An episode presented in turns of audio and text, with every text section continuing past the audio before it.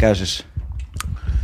Pa sad smo pričali prije nego početka ovoga i ja sam shvatio prije nekog vremena, što mi je fascinantno da u proljeće 1914. svijetom je, većinom teritorija na svijetu su vladale četiri imperije, četiri carstva. Dakle, a, rusko, a, otomansko, britansko, austrougarsko i ako se računa je Njemačka koja je imala imperijalne ambicije, možda je pet. U roku od pet godina, četiri od tih pet su nestale. A to je, nije samo da su imperije velike, nego to je bilo onaj a, društveno uređenje, filozofija a, a, vladanja, šta ja znam, dakle, carevi ili kraljevi koji su pravo na vladanje velikim imperijama dobili od Božijom voljom. I to se raspalo manje više preko noći. Čitava, čitavo društveno uređenje, čitava organizacija stvarnosti. I mi uvijek mislimo, barem ja sam uhvatio sebe kako mislim, da svaka je promjena postepena i te tako predvidljiva ali zapravo se u istoriji često to je iskustvo na području bivše Jugoslavije, da je odjednom na izvestan način otpadne dno. Dakle, Jugoslavija je izgledala solidna u jednom trenutku, a onda nekoliko godina kasnije sve se raspalo. Ali da, onda se tu uzima nekako ovaj, s- činjenica da kada posmatramo dakle, hodom unazad, e, analizom nečega što se već desilo, onda počinjemo da uviđamo zapravo gde su te pukotine i gde su te, te porozivni elementi društva počeli da nastaju i kako su evoluirali do tačke kada je to dno otpalo. Ali nažalost, ovaj, to možemo da vidimo samo kad se stvari tek des, već des, kad su se stvari već desile. Dakle, samo tim hodom unazad. Nekako, čudno je, teško ih prepoznajemo u trenutku kad, dok se dešavaju. Teško ih prepoznajemo čak i kada su gotovo pred svršen čin, što se pokazalo recimo sa nacističkom Nemačkom, što se pokazalo sa mnogim stvarima, ovaj, a kamoli da ih prepoznamo kad su u njihovom začetku i ideološki i u, i u, i u konkretnim slučajima neke prakse koje se primenjuju na društvenom nivou. Ja, slažem se. To je zanimljivo sa narativne tačke gledište, jer stvarnost u kojoj živimo je bezbroj stvari koje se dešavaju simultano i onda mi moramo to da organizujemo u nekakvo znanje. Mislim, um a, mora da organizuje nekakvo znanje, da organizuje to u a, neku bazu podataka na osnovu koje mi moramo da živimo u ovom svijetu. Dakle, da sortiramo šta je važno, šta nije važno, šta će se prvo desiti, šta će se kasnije desiti, šta je zamislivo, šta je nezamislivo. Ali kad, se, kad prođemo sve to, ja mislim da je to, zato sam ja, mislim ja to o tome razmišljam kao pisac, da je um, iskustvo se naratizira i ta naratizacija, dakle organizacija u neku narativnu strukturu, organizacija, znanje u narativnu strukturu, nam pomaže da organizujemo stvarnost, da razumijemo šta se dešava, ali to zahtijeva montažu. Dakle, Da. neke se stvari eliminišu, a neke stvari ostanu tu. I onda kad se vraćamo unazad, kad znamo kakav ishod ove priče već bio, jer smo u ishodu, onda možemo retroaktivno da naratizujemo to iskustvo. Ali to je do izvjesnoj mjeri je to ne falsifikacija iskustva, nego je drugačija metodologija, drugačije iskustvo od onog koje se dešava u ovom trenutku, kad se sve dešava istovremeno. Kad ja pijem kafu i rat je u Ukrajini i mi smo u Sarajevu i tako dalje i tako dalje. Na- nakon nekog vremena, ako se mi sretnemo, kad se sretnemo, da ćemo pričati jednom drugom priču o tome kako smo se sreli, ali to neće sadržavati sve ovo. Nećemo obra- obratiti pažnju i pričati o svim detaljima, nego ćemo to da, da poredamo po nekoj hierarhiji šta je važno nama u tom trenutku kad se sretnemo. I onda ćemo tako retroaktivno da organizujemo to iskustvo. Zanimljivo je onda na koji način smo zapravo kuratori sopstvenog sećanja. Tako je. A, zanimljivo je šta seća, čega se sećamo, na koji način se sećamo i zanimljivi su ti prazni prostori koje ostavljamo. Šta zaboravljamo, zbog čega zaboravljamo i na koji način zaboravljamo. I takođe je zanimljivo kako odabiranje, o- o- odabirom jedne narativne strukture zapravo otpadaju sve ostale. To je kao onaj princip kvantne fizike. Sekunde kada pogledaš ti zapravo gubiš Da. mogućnost da vidiš. Ali ne otpadaju, mislim. Ne. Ima, u psihologiji ima koncept narativne paradigme, a tu u osnovi znači da, smo, da mi za svom životu razmišljamo kao priči u kojoj smo mi glavni junaci. Ali ta priča i ta, a, kako bi rekao, profil junaka zavisi od konteksta i situacije i čak i sugovornika. Dakle, ako ja, ne znam, lupam, ako ja hoću da tražim posao, onda ja predstavim narativ o vlastitom životu, ko sam ja, šta radim, na način koji, koji će mi omogućiti da dobijem taj posao. Ako se ne znam, a, sam upoznajem nekoga pa i, a, i hoću da se predstavim kao šarmantan i pametan, to je malo teže, svejedno ću na tome da insistira. I tako je, tako dalje, i tako dalje. Dakle, ljudi su na, na izvestan način um, kolekcija različitih narativa, ali te razlike nisu dramatične. Mislim, kod psihopata su dramatične, jer mogu da lažu ko su i šta su stalno. Ali kod nas je to u određenom okviru, mislim, psihološkog stanja, našeg životnog iskustva i roditelja i porodice i tako dalje. Ali unutar toga je, postoje mnoge varijacije. Dakle, ja hoću, ja sebe zamišljam kao poštenog u nekoj situaciji gdje se poštenje vrednuje, ja ću da pričam ili da predstavim narativ o svom životu kao poštenom čovjeku. A ako sjedim u kafani sa baramama, gdje to što si pošten ne, ne donosi neke velike poene, nego svi pričaju kako su nekad nešto slagali i ne znam, nisu su nešto ukrali. Ja, Onda ću ja da se sjetim onog jednog puta kad sam ja obio hotel i, i ukrao sok i tako dalje. Tako dalje. To je, mislim, a, normalno što bi se rekao psihološki, ali to je, to je moj hljeb. Ja stalno zamišljam alternativne narative u odnosu na ovaj trenutak, u odnosu na moj život i u odnosu na one narative koje sam ja smislio jer bih želio da pišem. Mm, da, ali e, takođe kada se odabira taj narativ koji mi nekom metodologijom, dakle, ra, e, raščlanjujemo e, niz do, sledova, jel te, događaja, kauzalnosti koje su prouzrokovale određen, određenu stvarnost, određenu, određenu posledicu, mi kreiramo nužno određenu stvarnost jednog duha vremena, naš prostora i trenutka i ljudi, da ti ja znam, na toj tački u vremenu. Ali time mi onda kreiramo novo viđenje stvarnosti koju zamišljamo da je tačna u odnosu na ono kako su je možda ti ljudi doživljavali. Ne znači nužno, ne znam, nemamo nikakve garancije koje kažu da se ono što je, kako je zaista bilo i ono kako mi mislimo da je bilo, da su to stvari koje se podudaraju, nisu nužno dve iste. Naravno, da. I ne znam kako možemo da imamo potvrdu da li jesu, posebno ukoliko govorimo o nekoj prošlosti koja nema živih svedoka. Da, i to je onaj komplikuje stvari u, ne znam, u društvenom ili ličnom kontekstu u kojem je istorija šta se desilo u prošlosti važna. Ali isto tako otvara mogućnosti za, a, za izbjegavanje onog determinizma koje smo, koji su, svi su skloni naći na novim prostorima. Kao da, da, da su svi ishodi već predviđeni. Biće neka katastrofa, samo se zna. I, ova, ja sam uvijek bio ovakav i ima onaj pritisak, ja naravno volim da dođem u Sarajevo i, prijatelje vidim i svi me se sjećaju, nije svi oni koji, s kojima pričam, sjećaju se iz te prošlosti.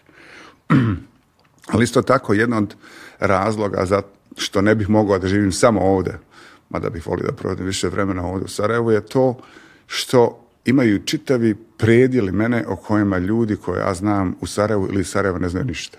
Ali to nije njihova greška, isto tako ja ne znam njihove druge predjele. Mi se nađemo u određenom društvenom prostoru i, a, i, i ljudskom prostoru i onda je, su ti narativi koje mi sve svi već znamo i koji su više a, ukorijenjeni ovde i kao a, a, kako, ishod je više garantovan, su prisutni ovde. A šta se deša, dešava ili se dešavalo izvan tog konteksta, to je potpuno nepoznato. Tako da ja imam vrlo bliske prijatelje, a i, on, i ja sam njihov blizak prijatelj, a ja zapravo, a oni zapravo ne znaju kako ja tačno živim u Americi.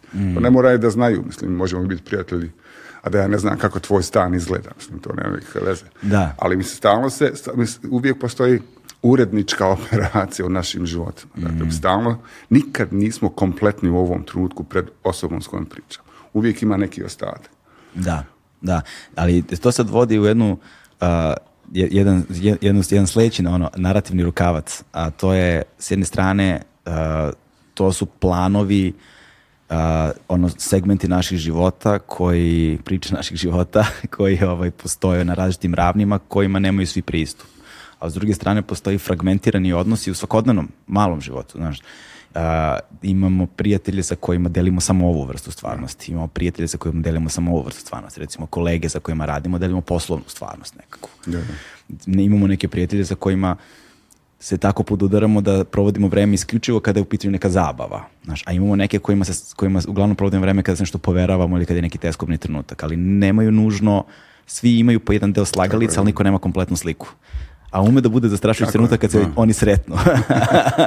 Ali svejedno, mislim, zavisi gdje su... u- a, stvarno se, do stvarnosti se dolazi konsensusom. i dolazi se o- na, na kraju krajeva nekom ličnom komunikacijom. Moji mediji to, kako bih rekao, friziraju i i sklapaju na različite načine. Isto umjetnost, književnost ima a, tu ulogu da, da pro- proizvodi stvarnost. To ne znači da je sve nestvarno, da, da je sve Matrix, ali mada se Matrix bavi to mogućnošću, naravno, nego da je ovaj, nego da, da stvarnost i ono što je istina nije očigledno. Treba da se, kako bih rekao, stvori, a ne mislim da se falsifikuje, da se stvori a, imaginarno i mentalno.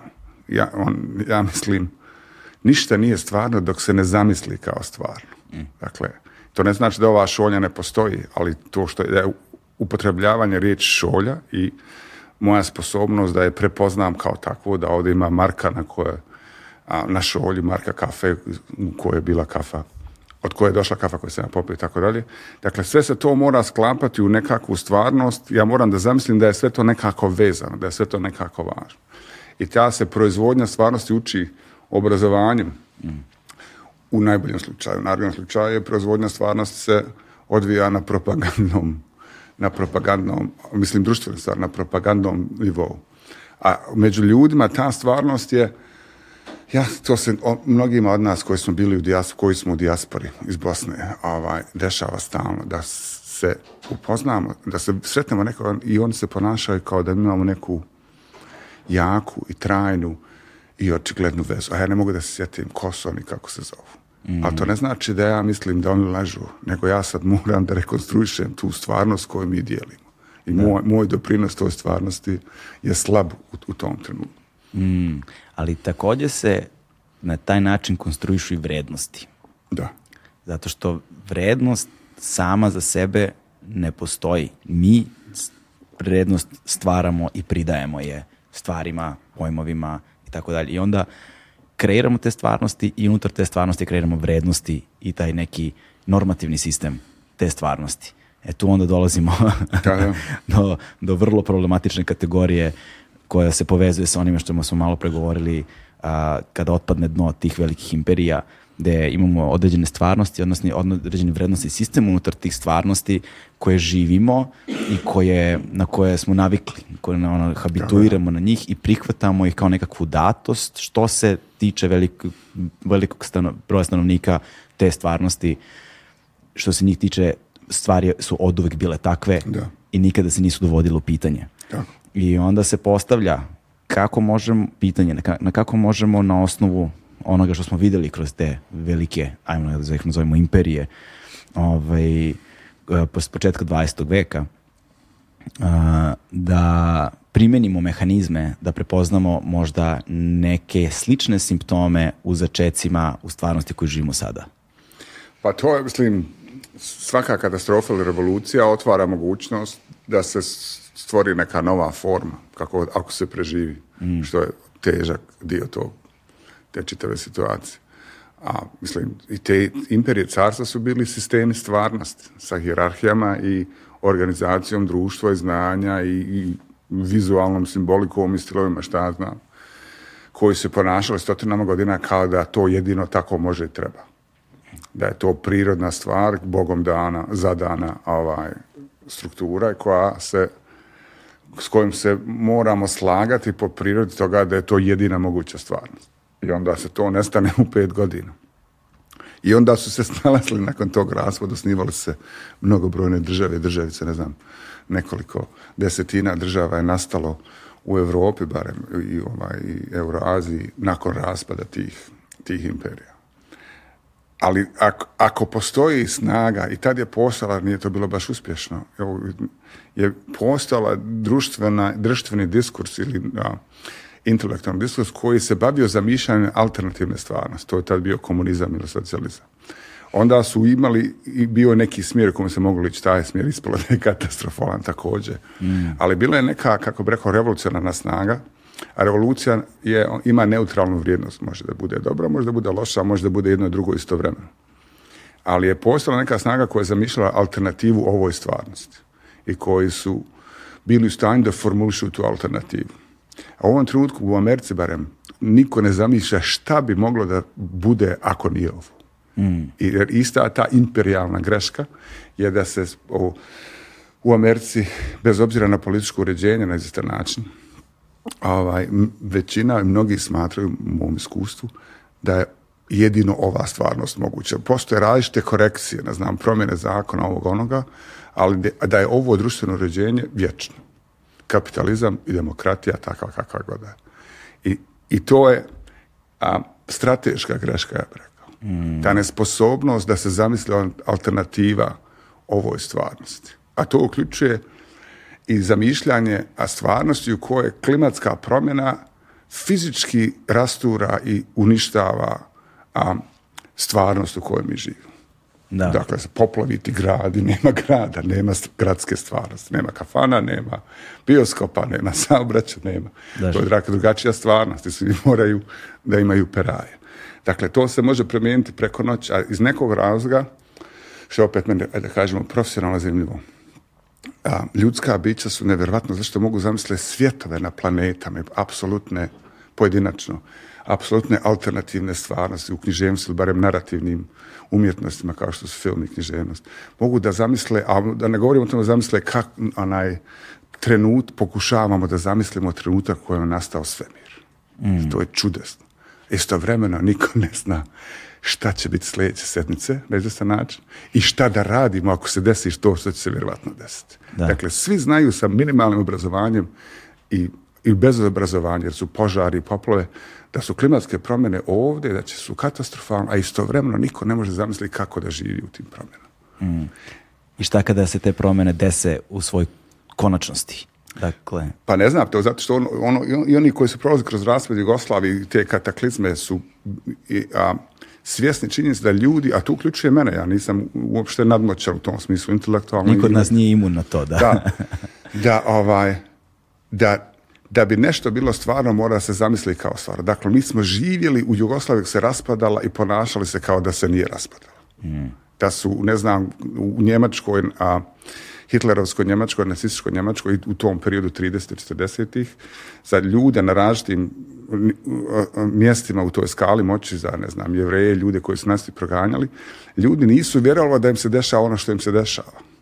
To ne zato što su glupi ili što su naivni, što je bila propaganda, nego zato što ja mislim da ljudska bića imaju psihološki mehanizam koji nas sprečava da stalno zamišljamo najgori mogući ishod. Dakle, niko, ako baš nije situacija patološka, niko od nas ne provodi vrijeme zamišljajući trenutak svoje smrti. Jer to ne mogu, zato što bi bilo vrlo teško živjeti da se stalno o tome razmišlja. Da mi se pravimo i živimo kao da se to nikad neće desiti. A svi znaju stalno, nema nikakve dileme. Mislim. Čak i oni koji vjeruju u Boga misle da će se prebaciti ili preseliti neko mjesto, još uvijek je to strašan trenutak, taj, taj prelazak. Tako da mi, mi se borimo protiv toga, iako kad nas gleda u oči, a borimo se protiv a, veličine katastrofe pred kojom se nalazimo. I ta psihološka blokada u Americi ili Jugoslaviji prije rata je bila prisutna kod svih. I mi sebe na izvestan način lažemo od straha u tom smislu. Da se probije kroz taj strah, to ne znači nužno da će, da će stvari biti bolje. Da, ako mi zna, ubijedimo ljude da se da se, odnosno ako predstavimo sve činjenice vezane za promje- klimatske promjene, to ne znači da ljudi reći sad razumijem, ajmo nešto da uradimo. to isto ne. tako znači da će više da se zatvore, jer je tako užasna ta mogućnost, ili rat, da uopšte neće da misle o tome i neće da zamišljaju alternativne stvarnosti, jer je to prestrašno. Da, ima sad tu nekoliko stvari mi, si mi, si mi tu sad nekoliko lampica mi si mi uključio. A, jedna je, ajde probamo ovako, jedna je, setio sam se nekog davnog a, psihološkog istraživanja, marketinškog, nije važno, gde su da li je to bilo 60-ih ili ne znam koji godina, 70-ih, kada su, kada su zapravo shvatili da štetnost cigareta. I onda su osmišljavali razno razne kampanje kako da natjeraju ljude prestanu da puše. Jedna od kampanja je bila da kao stavljaju bilborde i tako dalje sa onim sa strahovitim uh, ono, fotografijama i šta ja Trula znam, tr- pluća. trula pluća, to kao što staje sad, stoje sad na paklicama cigareta, ali pokazuje se da postoji neki meh- psihološki mehanizam da ljudi kada vide to potresu se i šta urade, prvo zapale cigaru. da se smire. Evo, ovo mi je zadnja. da, zapali cigaretu da se smire. Da. Znaš, ima nečeg, ne, nekog uh, jezivog psihološkog mehanizma u tome, znaš, koji govori o toj moći iracionalnog u čoveku. Znaš, I negde zaista vrlo često pocenjujemo i mislimo da to naše racionalno kontroliše veliki deo onoga što mi jesmo. Sad je tu pitanje tog determinizma opet, s jedne strane, koji je isto zastrašujuća ideja kao takva, ovaj, onda pitanje slobode izbora i mnogih drugih stvari, sad šta je to na čime mi zapravo imamo kontrolu i da li imamo kontrolu, s jedne strane, ovaj, ali uh, s druge strane takođe postoji taj, um, šta sam teo, pobeže mi misao jebote, uh, um, setit ću se, jebi ga, nema veze. Seti, setit ću se. Ovaj, ali pitanje tih stvarnosti onda također izvodi i pitanje uh, fali nam jedan sveznajući pripovedač, znaš, Da. ili, znaš, i opet ili taj kao narativnom kontekstu, kao ko nam priča priču, znaš. Ovaj, ali u, u stvarnosti u ovoj koju mi živimo, propaganda je tako je uglavnom ovaj, na snazi. Jer ti kad pogledaš kako se sad polarizuje društvo i kako kroz ideološki spektar stvari skreću vrlo jasno u određenom smeru, nazovimo ga sad u nedostatku boljeg izraza desno, Ovaj, ti vidiš sa Orbanovom Mađarskom, vidiš sa našim ovde svim od reda, vidiš sa, ne znam, Nema, sa Francuskom, sa, znaš, kako kažem, za Le Pen, ali Macron je prilično Da. desno, vidiš sa Nemačkom, vidiš sa a, britanskim Brexitom, Sa vidiš Amerikom. sa Amerikom, sa Trumpom i ne znam ti ja šta, ali imali smo najavu Trumpa kroz Schwarzeneggera. Schwarzenegger je, mislim, genij u poređenju sa Trumpom. Poštenjačni, da. da, da, istina, da. Vidiš, ovaj, generalno svuda kad posmatraš i posmatraš i po, i po, i po Aziji, po Bliskom istoku i naš u afričkim zemljama koje znamo, za, koje znamo sad, ne, nije baš da pratim sve i da znam u potpunosti, ali se pokazuje jedna jasna tendencija ovaj, na neki čudan način su oni postali internacionala. Da, da. Pa mislim, ne, ne, ne mislim da imaju tu pravila kao takva, da kao historijska. Izvini, ne, nego mislim samo da li, da li to znači da smo došli civilizacijski do te tačke da ne možemo da zamislimo tu alternativnu stvarnost i da u nedostatku te alternativne mi zapravo se grčevito hvatamo za prošlost. Pa to je dio toga, ja mislim, zato što, ovaj, jer ovo je revolucionarni period zbog klimatskih promjena, zbog svega što se dešavalo u istoriji, zbog migracija i ljudi koji su usko vezana za te klimatske promjene. Da se, da se svijet mijenja, ti, svi to znaju, ali onda ovi konzervativni desničari hoće da zadrže stvari kakve jesu, a- ali isto tako da ih vrate u neko zamišljeno, isfantazirano vrijeme kad su kao stvari bile bolje. Pa to, make America great again. Tako je. A kad je bila Amerika Great, to se ne zna tačno. Kad je bila Great da, Britain. ali to, mislim, to, to, da.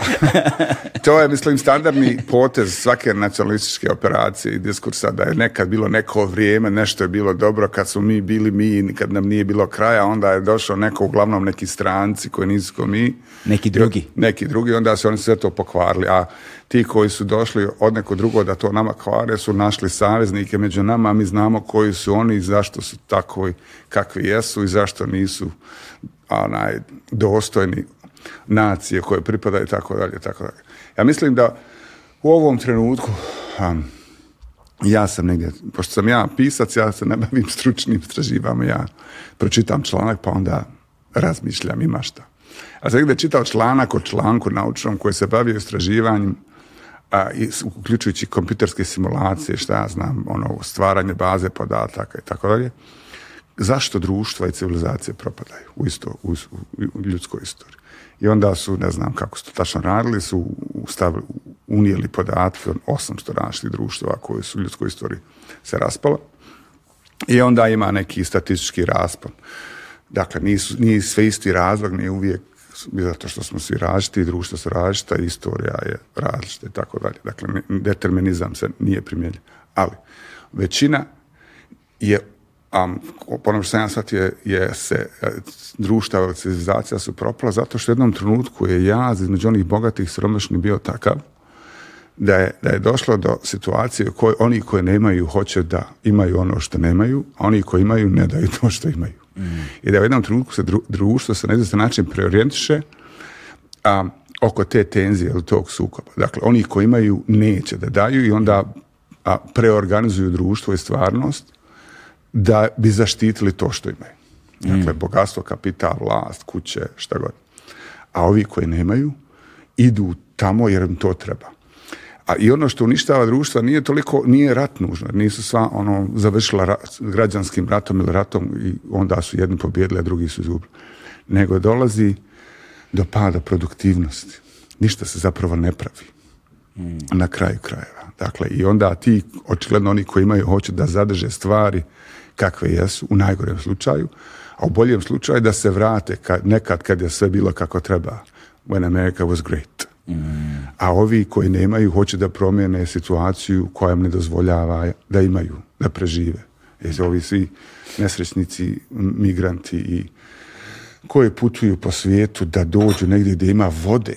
Nije stvar da hoće da žive u kući Trumpovoj. Oni idu tamo gdje ima vode u ovom trenutku. Da, klimatske izbjeglice su, Da. da. A na stranu, ne, nije, nije to više ona starinska američka priča kao dođu da se obogate pa da postanu amerikanci pa da vedu porodicu. To ljudi koji sad su Mediteranom prelaze, oni idu tamo zato što tamo ima šta da se jede. A ne da, zato da bi kupili kuću. I tako dalje.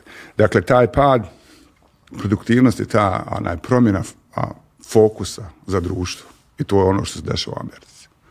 Mislim, onaj, bez obzira šta su ekonomski pokazatelji, ali oni koji imaju, imaju sve više i sve su manje spremni da to dijele sa bilo kim. A to dovodi onda, našto u Americi, do tenzije između demokratije, ne našto u Americi, u ovim svim zemljama koje si naveo kao primjer, tenzije, ono, tenzije između demokratije i kapitalizma, između ostalo. Dakle, šta je važnije? U Americi je već to je jedna od onih aksiomatskih ideoloških pozicija, kao to niko nije dovodi u pitanje da su demokratija i kapitalizam ista stvar. Da bez demokratije nema kapitalizma, a bez kapitalizma nema demokratije. A to, mislim, Kina. Nikakav problem nije. Nedostatak demokratije. Nije vidjelo demokratiju. Nema uopšte. E sad, e sad je došlo do, to, do toga u Americi da je, su jaki, značajne snage, uključujući one vrlo bogate kapitaliste i republikanci i desničare, shvatili da im ne treba demokratija. Ili urban. Da im ne treba demokratija. Ili ove neke sve europske zemlje. Da im ne treba demokratija, da je kapitalizam zapravo u tome mnogo važniji. A kapitalizam je katastrofalan ne samo iz onih marksističkih razloga, nego mislim logika neprestanog rasta dovodi do ovih klimatskih promjena. I da rješenje za to je planska privreda. Dakle, a planska privreda je po definiciji socijalizam. Na sve oni ukrasi, crvene zastave, šta ja znam, kako da se organizuje. Dakle, ta tenzija između demokratije i, i kapitalizma je u ovom trenutku um, kapitalizam pobjeđuje, a to znači isto tako demokratija gubi, onda imam urbane i Trumpove i raznovrsne desničarske imbecile koji govore zašto ja s vama da razgovaram, šta nam treba. Da. Zašto ja da zavisim ili moja operacija politička i ne znam, Amazon s- od 150 milio, milijardi dolara Bezos ima, zašto ja da rizikujem sve to zbog volje naroda? To je, to je, mislim, uh, Ursula, ovaj, uh, nikad ne umem da izgovorim njeno prezime, Levin, Le Guin. Le Guin, ne, Ursula Le Guin, ona govorila to, treba da se uvede milosrđe u kapitalizam. Kasno je za to. da, mislim, davno je ona to još i govorila. Ovaj, pre, i, i, i obrać, obraćala pažnju na, pre, uh, us- usmeravala nas ka tim pretnjama kapitalizma.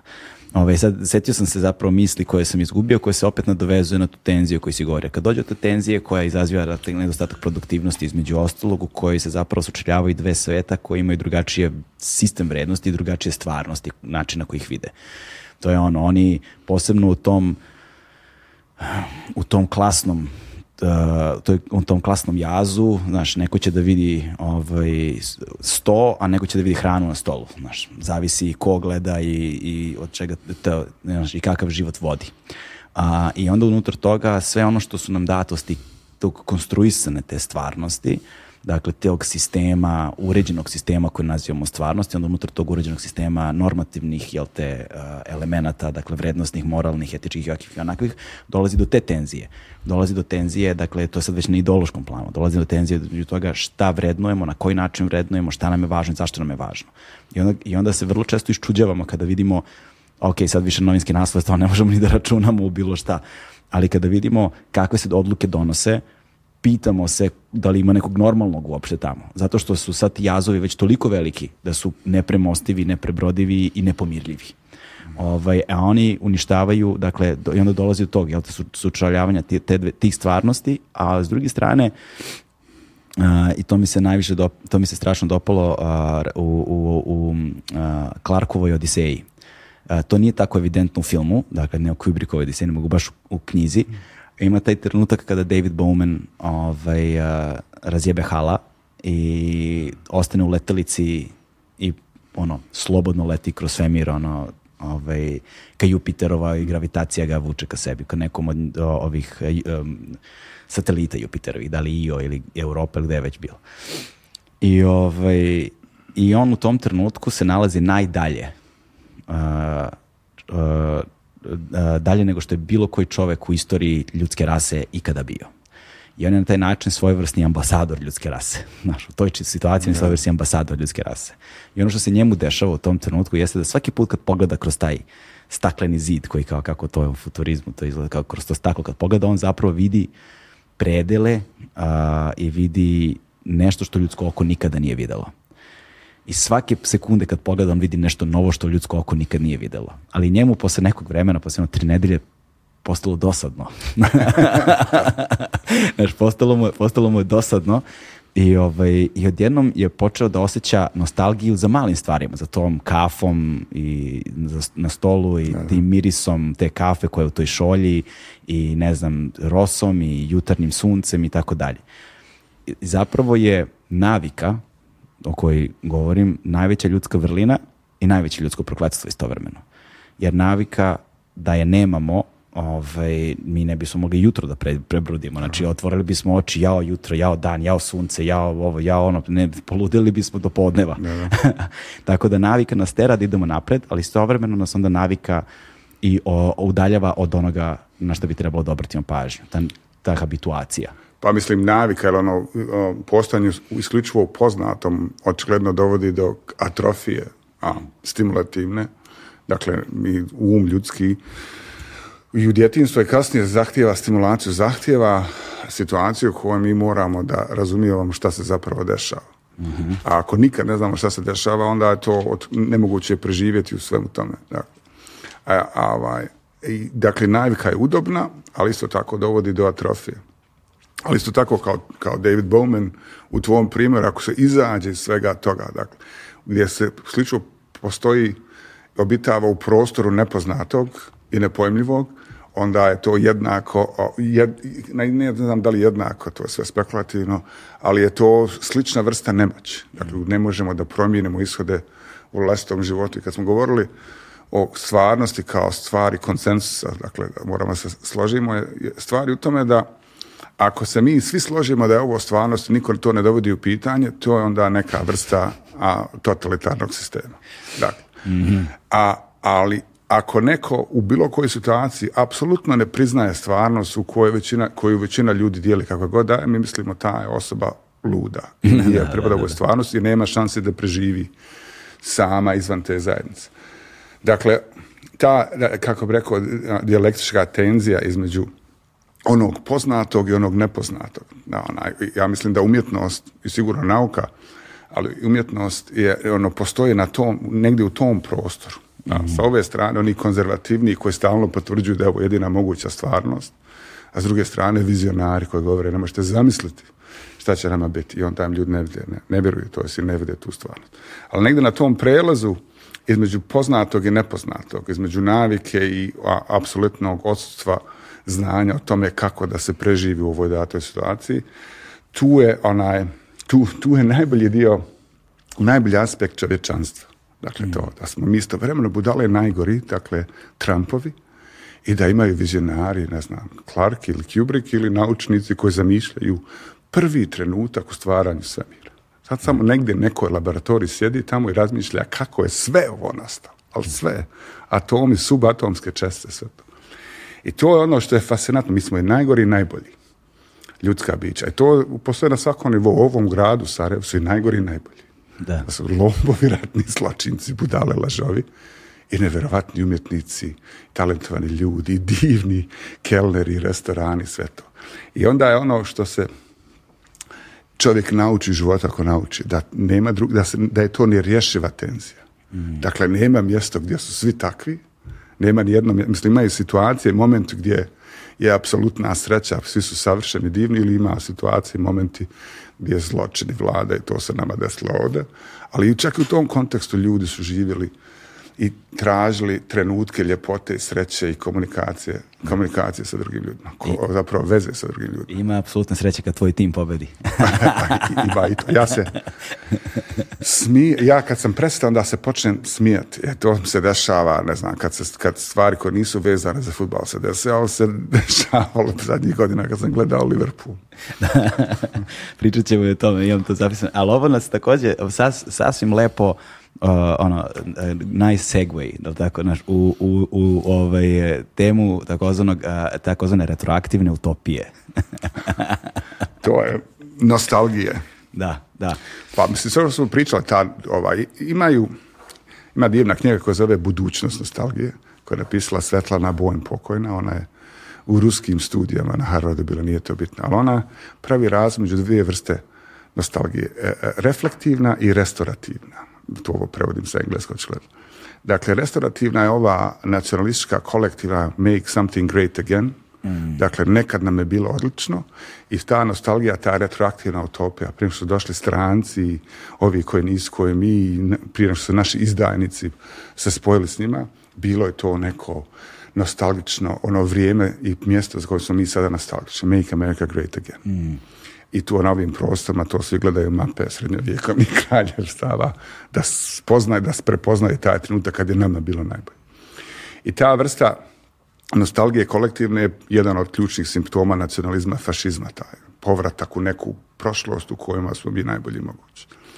Dakle, restauracija te prošlosti je upisana u tak, tu nostalgičnu operaciju. A reflektirana nostalgija je pojedinačna i to je ono što David Bowman recimo se sjeća, taj ukus kafe ili trenutak a, u Sarajevu, ne znam, prije 30 godina kad sam ja negdje sjedio, pa se onda svjetlo promijenilo pod određenim uglom šta, ili prvi poljubci sve to.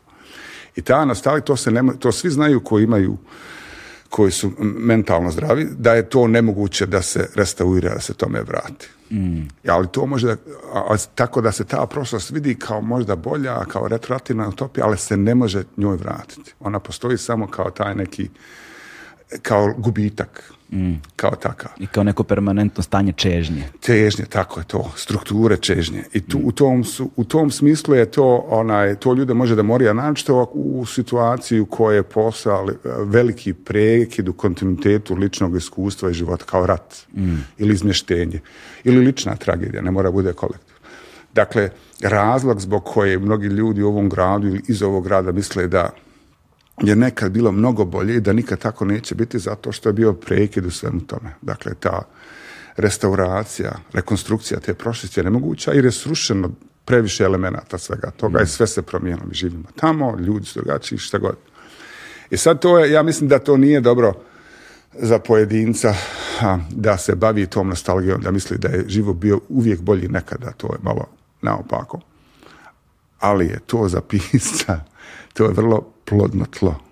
Dakle, to, jer ono što a, mi koji smo u narativnom biznisu, da kažem, znamo je to, da, je, da se prošlost i vlastito iskustvo i život, narativna paradigma, da, da je to sve, ne da je materijal za priču, to je već priča. To je već složeno kao priča. Dakle, prošlost, ljudsko iskustvo, a priča naših već je to narativizirano. I ono što ja znam kao pisac da je to jedan od mogućih narativa. To znači da sa stanovišta književnog a, pripovjedanja ja mogu da izmišljam različite prošlosti za svoje likove, mm da, da različite iskustva prošlosti. I onda to na jedan način u naj, najgorem slučaju rasplinjuje tu nostalgiju. Mm. A to isto znači da nakon svih ovih godina ono, izmišljam alternativne alternativne iskustva. Ja znam da čak ni moja prošlost i moja životna priča da je to samo jedna od mogućih. Ne u, u svijetu, nego u mom životu. Da ja mogu ispričam potpuno drugu priču od sebe. Ali to je produktivna situacija za neko ko, ko se profesionalno bavi naracijom. Um, u razgovorima sa uh, Igorom Štiksom ovaj, i čitići njegov roman W, ovaj, jedna stvar je mi je bila postala jasna ovaj, da u trenucima velike kriza svih velikih narativa, ideoloških, političkih, god, ovaj, kada se oni sruše, ono čemu mi posežemo kao društvo jesu alternativni narativi koji su kao underground, u nekom se negovali neko vreme i oni nikada nisu niti mogli, niti imali ikakvu šansu da probiju u mainstream, ovaj, da se nije desio taj veliki krah tih narativa. I onda tada je ono gde oni stupaju na delo. I nekako se pokazalo kao pravilo da nikada kao društvo, ne sad nikada, preterujem, ali da, e, uh, barem onoliko koliko je meni poznato, kao društvo nismo imali ljude koji su se bavili alternativnim narativima, spremajući ih za neku takvu potencijalno kriznu situaciju i zamišljajući budućnost u kojoj se to dno otpada. Ovaj, I kada se nađemo u krizi, alternativni narativi za kojima posežemo a, su oni koje nismo investirali sami svoj trud i svoje vreme, nego koje su gajali neki drugi. I tako su nam došli različiti, poput recimo ono, ne znam, Friedmanovog slobodnog tržišta, Da. znaš, su došli na taj način upravo i kreirali nam neke nove stvarnosti u kojima se mi više ništa nismo pitali. Sad mi negde nam, imamo tu dužnost, bi trebalo barem da imamo, da investiramo kroz obrazovanje, mislim da je to ključno, kroz humanistički nauke, kroz ovo, kroz ono, da investiramo u ljude koji bi se bavili isključivo time na neki način. Pa mislim, to je, to je planska proizvodnja, Pa to je jeste. socija- socijalistička ideja. Jeste. A onaj, pa mislim, na ovim prostorima, a i u Europi zapravo, sigurno u istočnoj Europi, čitavoj Europi, dakle, bio je jedno društveno uređenje i niko nije mogao zamisliti nekako drugačije, onda je bio rat i onda je sve to rastorio. I onda su oni koji su imali nekakvu ideju kako bi to sled, drugo alternativno društveno uređenje moglo biti, su intervenisali na različite načine. Pa onda to društveno uređenje je normalizovano do tačke kad su ljudi misli ovo je ovako ovo je najbolje što može biti i to će vjerojatno vječno trajati, onda se to raspadne. A oni koji su o, koji su počeli prije toga da zamišljaju alternativno društveno uređenje, aktiviraju se na različite načine. Dakle, u, u vrijeme ovih imperija bili su revolucionarni različiti koji su bili spremni na promjenu i koji su, ne znam, izvrša, vršili atentate ili su se sastajali u onaj, u tajnim, um, na tajnim sjednicama da zamišljaju alternativne društvene uređenja. A u Jugoslaviji su ovi bili neki disidenti, skupljali se da zamišljaju, fantaziraju o maksimalnoj mapi, a, odnosno maksimalnom prostoru njihove nacije na mapi i tako dalje. A, ali on, to ono što je, što je u istoriji uvijek, ne uvijek, ali revolucionarne situacije su katastrofe su revolucionarne situacije. Dakle, katastrofa nikad ne ubije svakoga. Neko preživi. Ti koji prežive moraju da žive drugačije nakon te katastrofe. I onda počinju da zamišljaju stvarnost u kojoj već žive. Ne da je zamišljaju, počinju da je organizuju narativnu u neku logičku, logički sklop. Dakle, ovdje je posle rata, ne znam tačno kako je bilo, ali nije bilo stabilizovano društveno uređenje. Sad, dobar dio stanovništva, sigurno ovi političari misle ovo je ovako i ovako će vječno trajati. Jer takvi smo mi. Da, da. A mi prije 30 godina nismo bili takvi. Ja ne znam, gledao ovaj radnu verziju filma. Emerick Bloom. Emerick Bloom. Ja sve u glavi, Da, sve u glavi, da, gledao Jer, sam. jer on je zamišljao nekakvu, čak i unutar tog socijalizma, ne u smislu konfrontacije, zamišljao nekakve alternativne mogućnosti datom stanju. Ali isto tako pokazuje da mi nismo uvijek tako živjeli. Da, Da, da. nije uvijek bio takav fatalizam, da je bilo nekih vizionara koji su... To nije bilo tako davno. Da, nije bilo tako. Pa moji su, oba roditelja su radili za Negrimest, moja mati je čitav život radila za Negrimest. Nama je Emerick Bloom, mislim, mi smo ateistička porodica, oni koji drže, ne znam, ikone i svece, slike. Nama je Bloom bio. Da. Me je praktično gonio, ja ga nikad nisam vidio, ali čitav taj naš, relativno govoreći, srednje klasni život mojih roditelja, koji su rođeni u, u kućama sa zemljanim podom i koji su prošli kroz obrazovni sistem koji je bio džaba, koji je bio, nije, nije se trebalo plaćati, koji su imali poslove garantovane u nekoj državnoj firmi koja je trajala 30 godina, više od 30 godina. Čitava srednja klasna struktura, uključujući moje obrazovanje i onda pare da se kupe ploče, mislim, lupa, sve je to za, za proizašlo iz Bluma. Svih tih stvari. Dakle, neko je uspio da barem pok- ukaže pravac. To nije moglo uspjeti iz ko zna kojih razloga. Iz mnogih razloga. Samo, izvini, samo, samo, samo, samo da pomenemo ljudima koji slušaju, koji ne znaju, a verujem da veliki broj ljudi ne zna, Emerick Bloom je bio gradonačelnik Sarajeva, bio je direktor uh, Energoinvesta, uh, bio je čovek koji je za, za, za, svoj, za svog veka negde Sarajevo podigao iz ono srednjovekovne Kasabe do ono grada koji je pred kraj njegovog života a, a, ovaj gosto ovaj da, bio domaćin olimpijskih zimskih olimpijskih igara i je međunarodna metropola. Nije, mislim, Sarajevo nije bila baš srednjovjekovna Kasaba, ali Da. bila je daleko od onoga što Da, je da, bilo... da. A ne tako kažu u dokumentarnom filmu, pa ja samo apsolutno. ponavljam, Ne, znam, slažem se. ne, onaj. E, ali zato što je Blum bio iz Sarajeva i znao šta se ovdje može. Nije došao kao kolonizator, mislim. Da. A, znaš, ono, kolonijalni narativi, ovi ne znaju ništa srednjovjekove, sad ćemo mi njih da obrazujemo. On je vjerovao u obrazovanje i vjerovao je ovaj svijet ovdje i on je regrutovao a, mlade ljude, uključujući ne, moje roditelje u jednom trenutku, ovaj, da rade tu stvar i ulagao u obrazovanje da bi izgradio kom- kompaniju prvedu po socijalističkom modelu koja može da da drži jedan grad ili jednu republiku. Dakle. A da to nije bila konfrontacija. Dakle, on nije bio antikapitalista, jer smo bili savjetnici dole u McKinley, kako se zvali, da. McKenzie, da. a, savjetnici a, kapitalistički kako da organizuje proizvodnju, a isto je sve to radio iz socijalističkih uvjerenja. U filmu stalno njemu govore vaša firma, on kaže nije to moja firma. Tako je, da, da. Vaša, nije to moja firma. I najjači, najjači punchline u filmu, apsolutno, kad ga pitaju, kaže, koliko ljudi radi za vas? Pola.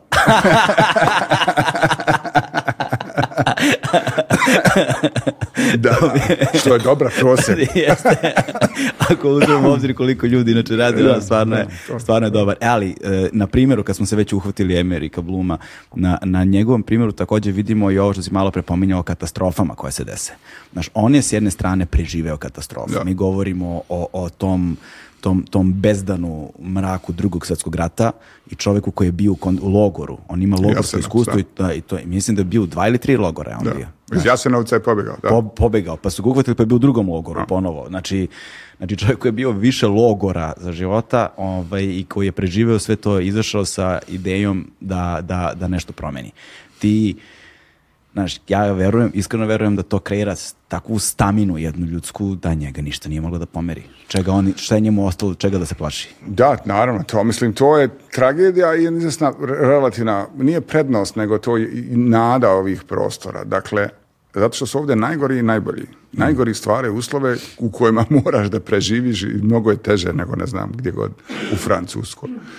A ovaj, i, i, I onda ima puno žrtava, mislim, i ljudskih žrtava u smislu nestanka njihovih tijela, mentalnih žrtava, umova oštećenih. Ali oni koji to prežive su najbolji, koje ja znam. Mislim, ne u smislu međunarodnih nagrada, svega toga ima i toga puno neproporcionalno veličini i ulaganju a umjetnosti, ne znam, druge aktivnosti u Sarajevu, Bosna i Hercegovini, Lana Pudar je jučer osvojila zlatnu medalju, a uz države koja nema bazen u kojoj ona može da vježba pliva. Što je nevjerovatno. I ti, ta, na, na primjer, da se napravi film u ovom društvenom kontekstu je nevjerovatna a, a, aktivnost. Mislim, napor, šta sve treba da se prevaziđe, kako sve treba se organizati. To je teško u svakom sistemu, Hollywoodu, mislim Matrix, je to operacija, to je nevjerovatno ka- kako je to složena operacija. Da iko može ovdje ikakav film da napravi, to je čudo. A način da napravi film, ne znam kao su filmovi Jasmile Žbanić ili, ili Dan Satanović. I ta, ta ovaj, mislim, nije ovo arogancija, ne mislim da sam ja pametniji od Amerikanaca, da sam iz Bosne, Jasno, zato što sam ja, ne znam, nije mi nešto teško bilo u životu, iskreno govoreći, osim tih ratnih godina i tada sam bio u, u dijaspori. Nego ta, to, to se viđa ovdje od taksista do filmskog festivala. Pošto je uvijek prisutna značajna mogućnost katastrofe, oni dobri i najbolji su, znaju kako da improvizuju u datoj situaciji, da reaguju na sve to. Ali to isto znači da oni koji ne znaju da nastradaju. Dakle, Blum je fantastičan i nešto se desilo u njegovom iskustvu u logor, izvan logora, ali je u tim logorima su poginule desetine hiljada ili stotine hiljada. Stotine hiljada ljudi, mislim. Koliko ga ja volim i cijenim Bluma, ja bi više volio da ti ljudi nisu poginuli nego da, da nije bilo jednog mjesta. Da, da, da. Ima, Odnosno da je bilo. Da, on, on, ovaj, on baš i navodi, ima, ako si gledao, a pretpostavljam da jesi, on navodi baš je, u jednom, imate jedan snažan trenutak u intervju kada navodi iskustva kojima je svedočio u, u logoru, znaš, i onda kada, i ti vidiš kad on ta iskustva prepričava, jasno ti je, znaš, Da. iza te fasade kakav čovjek stoji, znaš, tu nema, tu nema dalje rasprave nikakve.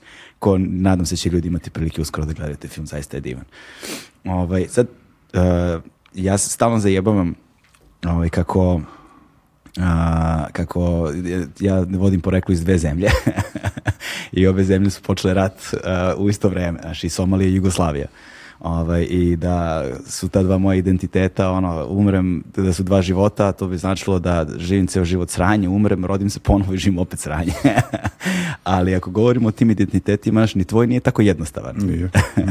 Posebno sad kad uzmemo ove savremene okolnosti, ovaj, uh, uzmemo ove savremene okolnosti u obzir.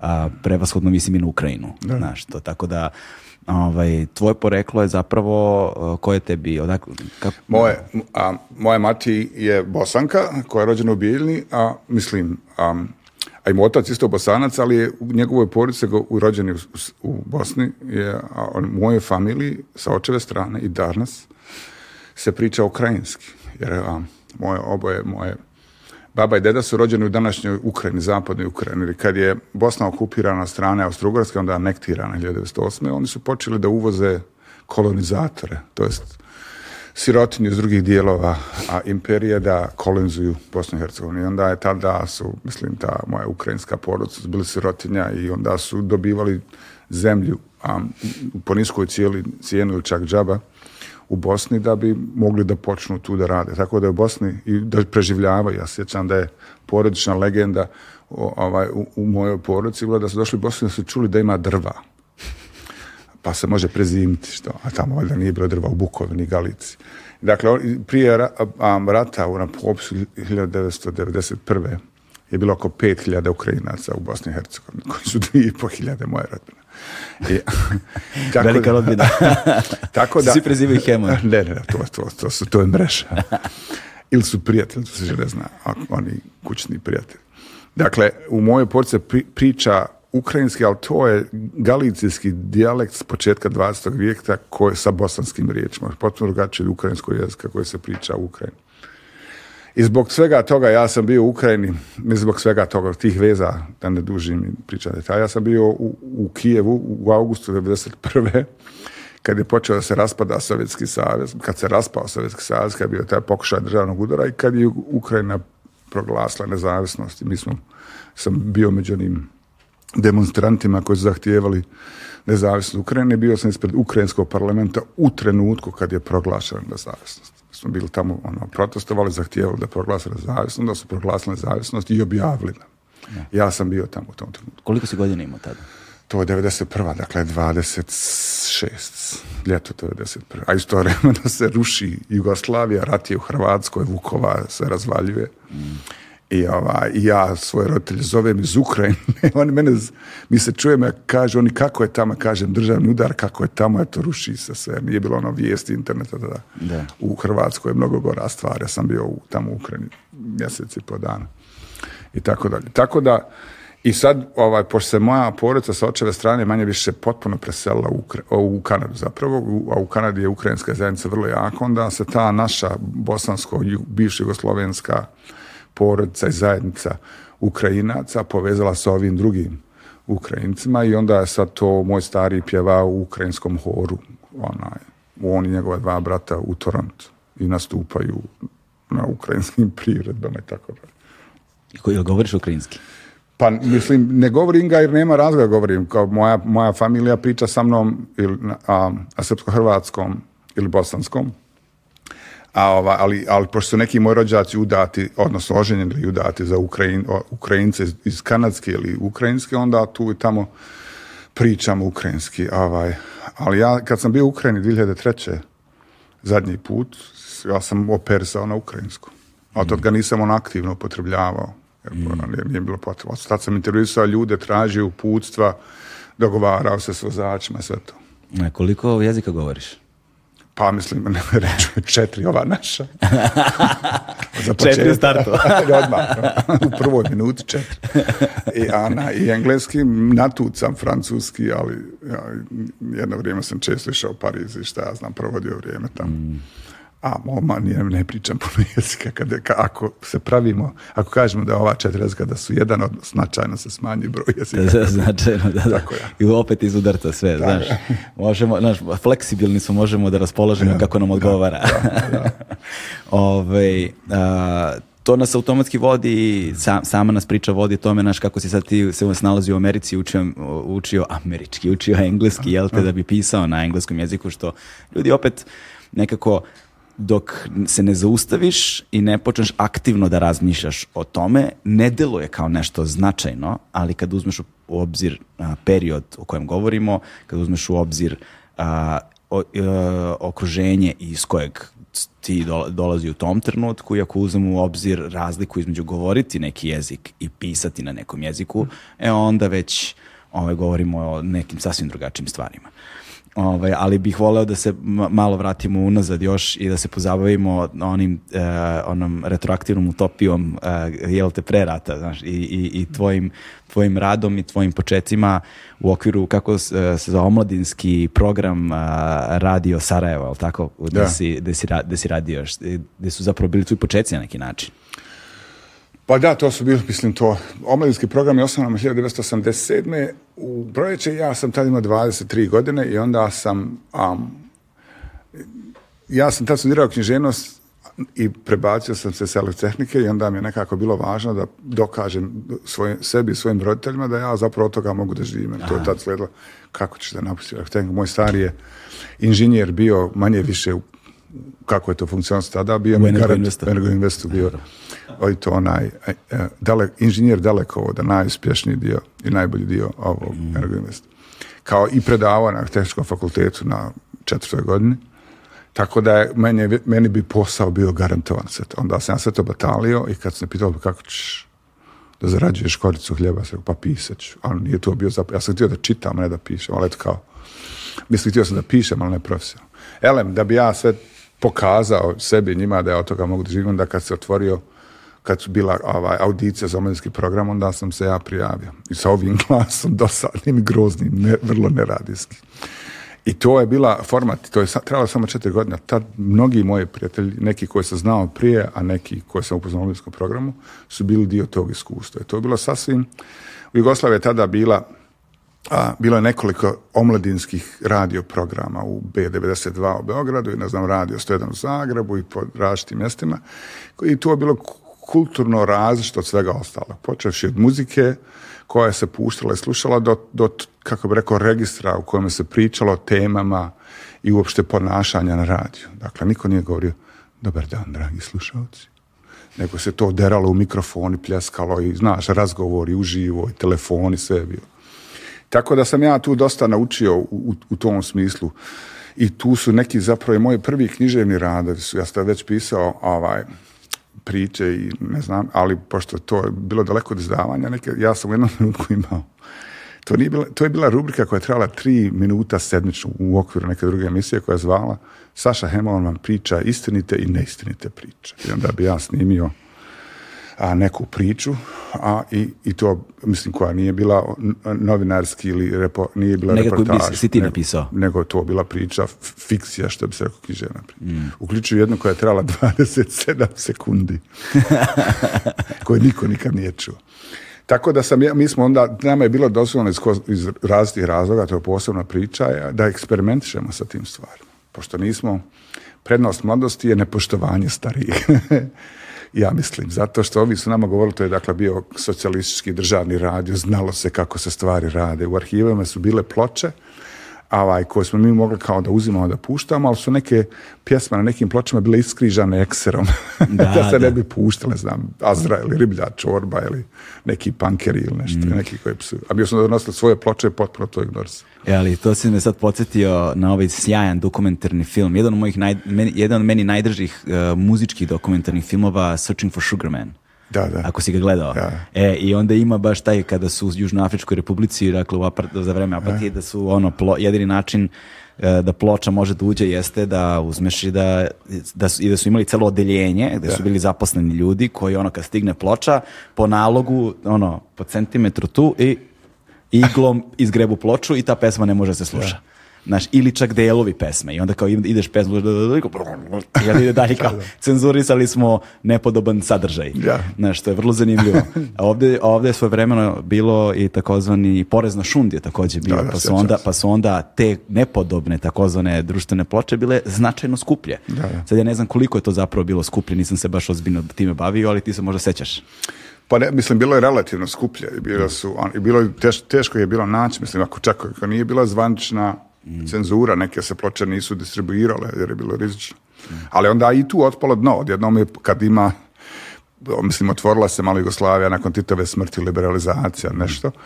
I druga generacija kad je počela novi talas, punk i novi talas u Jugoslaviji, to onda je um, bilo sve prisutno na različite načine. Mislim, nije, nije se, bilo je toliko toga da se nije moglo cenzurisati. To na izvestan način, to se dešava u revolucionarnim trenucima, da, da ima kritična masa ljudi ili stvari koja se više ne može kontrolisati. Da.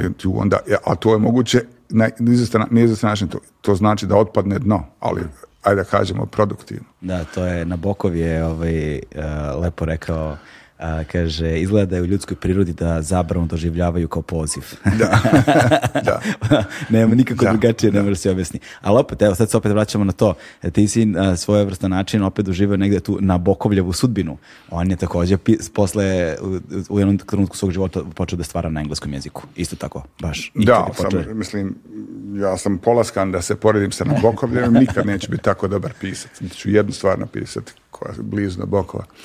Ali Nabokovljeva dadilja je bila engleskinja i njegove i prve riječi njegovog brata Sergeja, koji je onaj, poginuo u koncentracijnom logoru posle, su bile na engleskom. Da je toliko da je njegov otac koji je onaj, bio političar, pa je bio puno u Moskvi, a ne na imanju ono, u provinciji, se jednom naljutio što njegova djeca ne pričaju ruski i onda je unamio ruskog tutora da s njima priča ruski.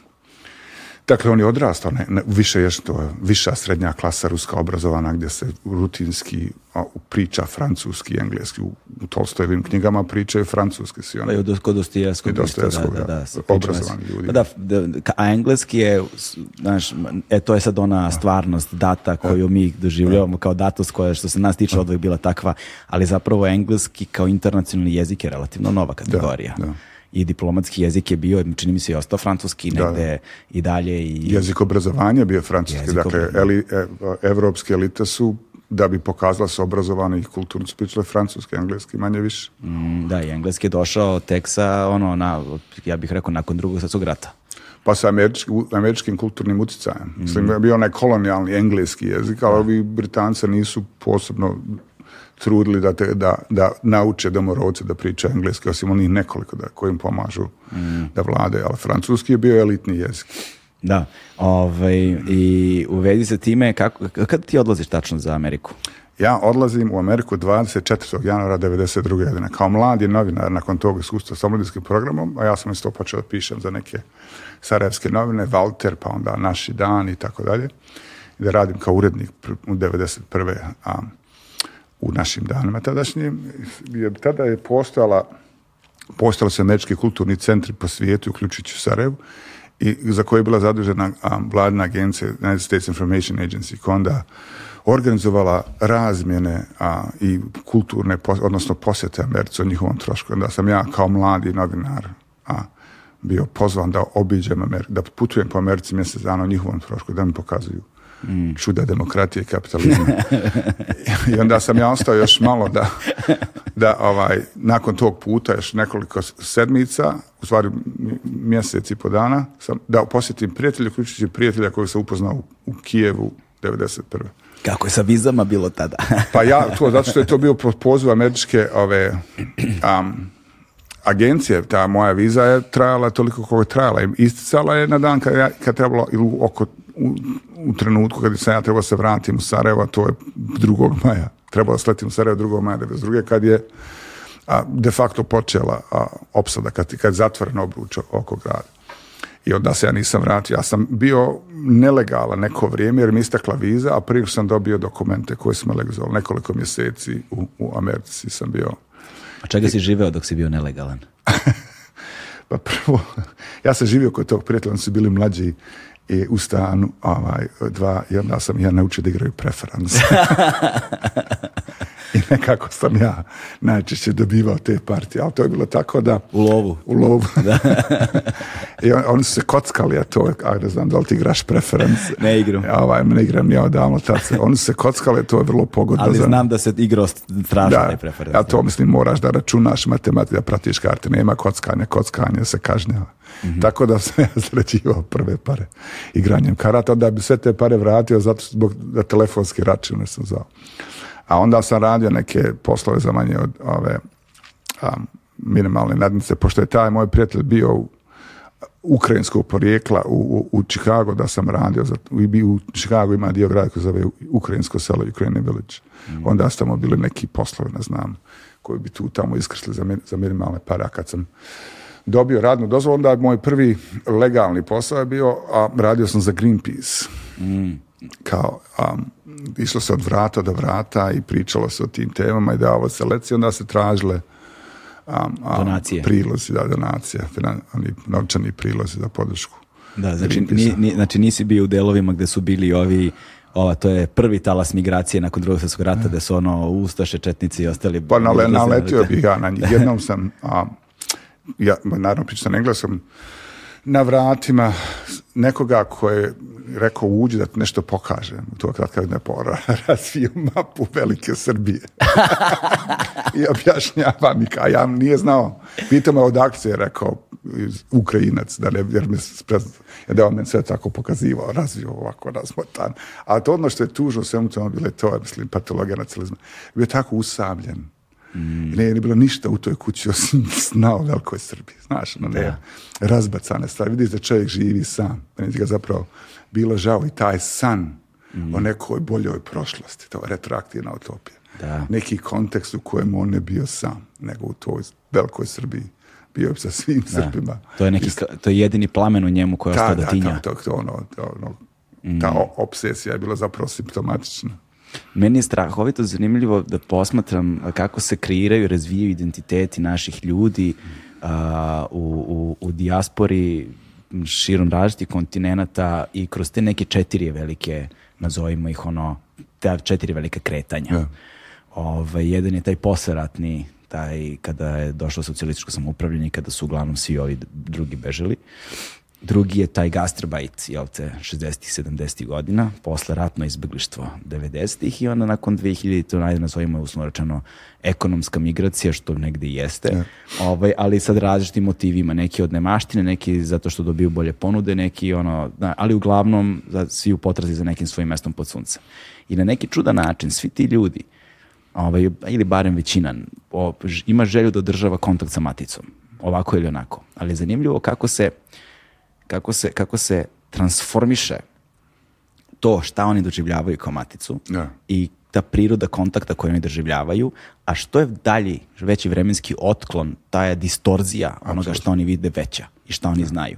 I onda, I onda kako izgledaju ti krajnji ovaj, oblici transformacije u ovom trenutku sada kroz te različite generacije je nešto što ono, mi- mislim, mislim da je beskreno zanimljivo kako, kako jedan i određeni narativ u jednom datom istorijskom trenutku može da se transformiše kroz vreme i u što se on pretvara danas i kako on izgleda. Apsolutno je to onaj to, dijaspora aktivira nostalgične instinkte i onda oni imaju različite oblike nostalgije u odnosu na šta. Dakle, šta, koje je to sretno vrijeme. I isto tako zbog toga što je bio dobar dio fašističke emigracije nakon drugog svjetskog rata, dio te nostalgije je vezan za ne znam kakve god da su imali fašističke nacionalističke projekte prije i- za vrijeme drugog svjetskog rata. A onda ove su druge generacije drugačije opersale. Ali ono što se isto desilo, onda se ja naravno došao na kraj svih tih procesa, relativno uvreći, ili barem pri kraju, je to da vrlo je teško živjeti svaki dan u mržnji. Uf, da. To je logistički teško. Dakle, mnogo je lakše da se mrze oni drugi ako ih nema osim kao koncept. Ali većina ljudi, ja mislim, nisu a, skloni zlu. To treba da se obuče da mrze i da budu skloni zlu. Tako da, da onaj, ako su u situaciji u kojoj je kontakt neizbježan, dolazi se do nekih kompromisa. I u Chicago je bio dio, i još uvijek ima dio grada u kojem su živjeli ovi iz imigracije I, ona, I to je počelo posle drugog svjetskog rata. U, Čikagu, u okolini Čikaga još uvijek najveći spomenik Draži Mihajlović, u barem je bio, možda ima veći sad u Srbiji, na svijetu. To je bilo u, u grad koji zove Libertyville. Ali, i tako, ali istovremeno, onaj, postoje, kako rekao, um, osjetilna nostalgija. Dakle, ne znam, hoćeš pečenicu, hoćeš ajvar, hoćeš kiki bombone. I onda se desilo to da u tom, ajde kažemo, kapitalističkom kontekstu, da se moralo prenebregnuti prevazići ili zanemariti te neke razlike zato što treba ići kupiti taj var Da. u radnju i da postoje radnje koje dakle, mislim ovo je samo primjer onaj, u kojima svi iz, regiona idu da kupe ajvar u da. I onda se tu susreću i sad nikome ne odgovara tu da se svađaju i tuku i, i treba izbor ajvara iz svih bivših republika. Znam, ja sam vidio samo jedan kad sam bio, vidio sam tamo, znam da ima neka kafana Beograd Da. i da pored njima prodavnica isto kao Beograd gde možda kupiš sve te proizvode, Da, ja, da, znaš, ono, da, da. znaš, knjaz Miloš, kiselo, Sve, sve. s- s- smoki i ono čokoladne bananice. Pribor, pribor za žgaravicu. Znaš, to, tako, da, vrlo, je, vrlo, vrlo, vrlo je zanimljivo i onda kad ih pogledaš kako su se recimo, znaš, s druge strane sad imaš njihovu decu, pa Da, deca da, njihova da, imaju decu, da, pa su sad to da. već neki ljudi koji se identifikuju kao da s ovih prostora nikada ovde nisu bili i ne govore jezik, što je vrlo zanimljivo. I onda vidiš te neke bizarne scene kako oni slave ono, ne znam, Božiće ili, ili ovo ili ono i potpuno sumanuto izgleda, znaš, Da, da. i to bude fora na internetu kad se pojavi, Da. znaš, ko budu u nekim vestima, da nešto pucaju tamo, pa bude haos totalni.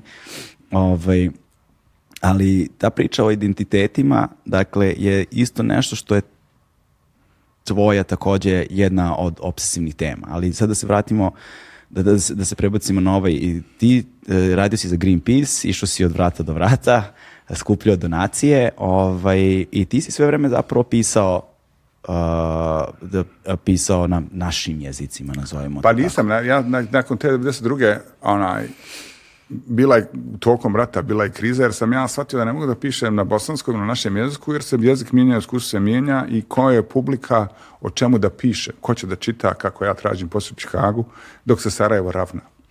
Mene su zapravo na početku to ljeto 92. moji prijatelji iz naših dana koje su nastavilo objavljivanje u ratu su me zvali kao da budem ne baš iz, ono, izvještač iz, iz Amerike, dopisnik iz Amerike, nego tako da imaju tekste. Pa sam ja napisao par stvari.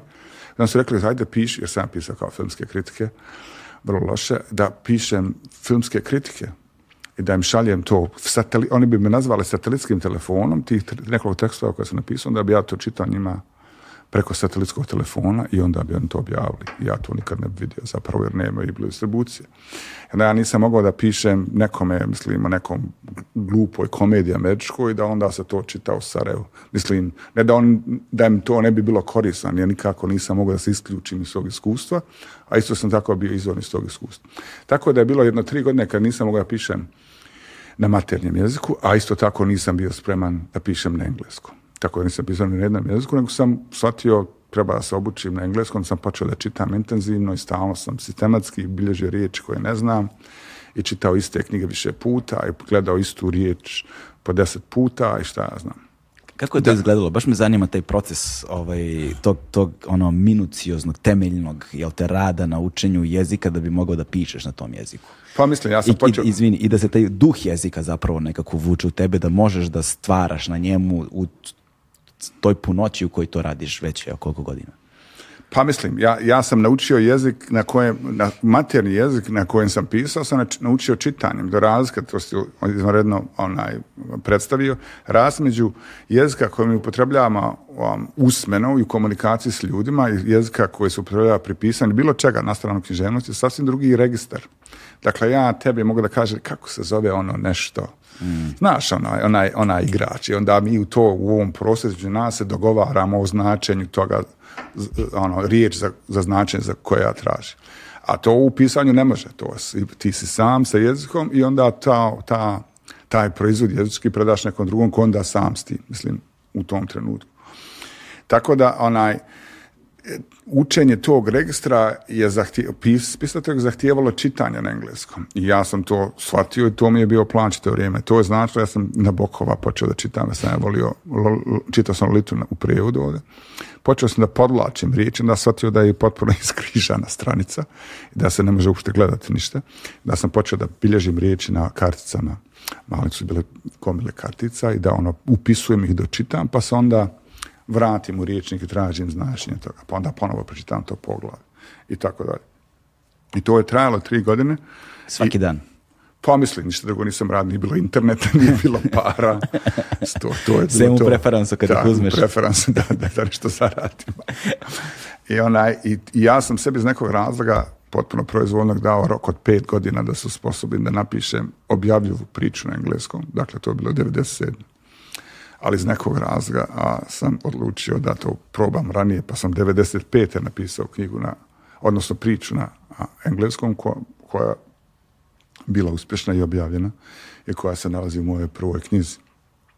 Pri čemu sam ja a onaj, nekoliko, ono, pišem, ali ta, ta vrsta nesigurnosti je na sreću nestala, da nisam tačno siguran da li ovo funkcioniše kao jezički. I bilo je, ja sam upotrebljavao riječ koji bi onda morao da pogledam u riječniku šta znači da bi bio siguran. Jer, znaš, kad ne moramo da pregovaramo o tome kako se kaže čaša, koje sve varijante za, za riječ, ono, za objekat čaše u, u našem riječniku, ali tamo šta to znači, koje su implikacije, to se moralo, ne pipavalo, bilo je izvjesnog, izvjesnog rizika.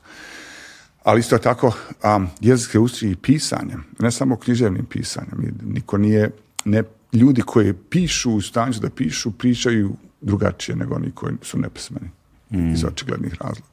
Zato što se jezik uči čitanjem. To svako ko ima djecu koje čitaju znaju da djeca nauče riječi iz knjiga, pa onda ne znaju na engleskom, ne znaju da izgovore zato što nikad nisu čuli riječ, nego je došla iz knjiga. To moja, moja djeca, moje kćerke kad čitaju, izgovaraju riječi, ne znaju kako se izgovara, ali znaju ih. Kako ide onaj Tvenov citat, kaže, ljudi koji ne čitaju nemaju nikakvu prednost nad onima koji ne umeju da čitaju. ja, Pa da, jednostavno tako.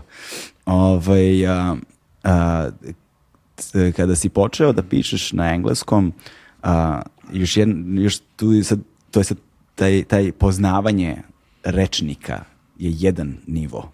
Ovaj, gramatički elementi su drugi nivo, ono kreiranje, ono sintakse, znaš. Ali a, semantički potencijal a, i igranje sa onima što su ustaljeni kulturni modeli, dakle, od idioma pa nadalje, ovaj, to je ono da bih ja recimo imao najveću nesigurnost. Znaš, kao, to je ono kao, da li sam sada ispao glup znaš, Ja. ili, ili, ili nisam, ili je ovo kreativno ili je samo banalno. Znaš, nemaš referentnu vrednost odnosno na koju meriš to. Pa imaš druge knjige koje čitaš, mislim, ali to, to, to, zato je služi književnost i čitanje. Ona, jezik se proizvodi književnošću i dnevnim interakcijama, razgovorima ljudi. Da. Ko, I reprodukuju, reprodukuju se tako, jezik se tako reprodukuje na ta dva načina.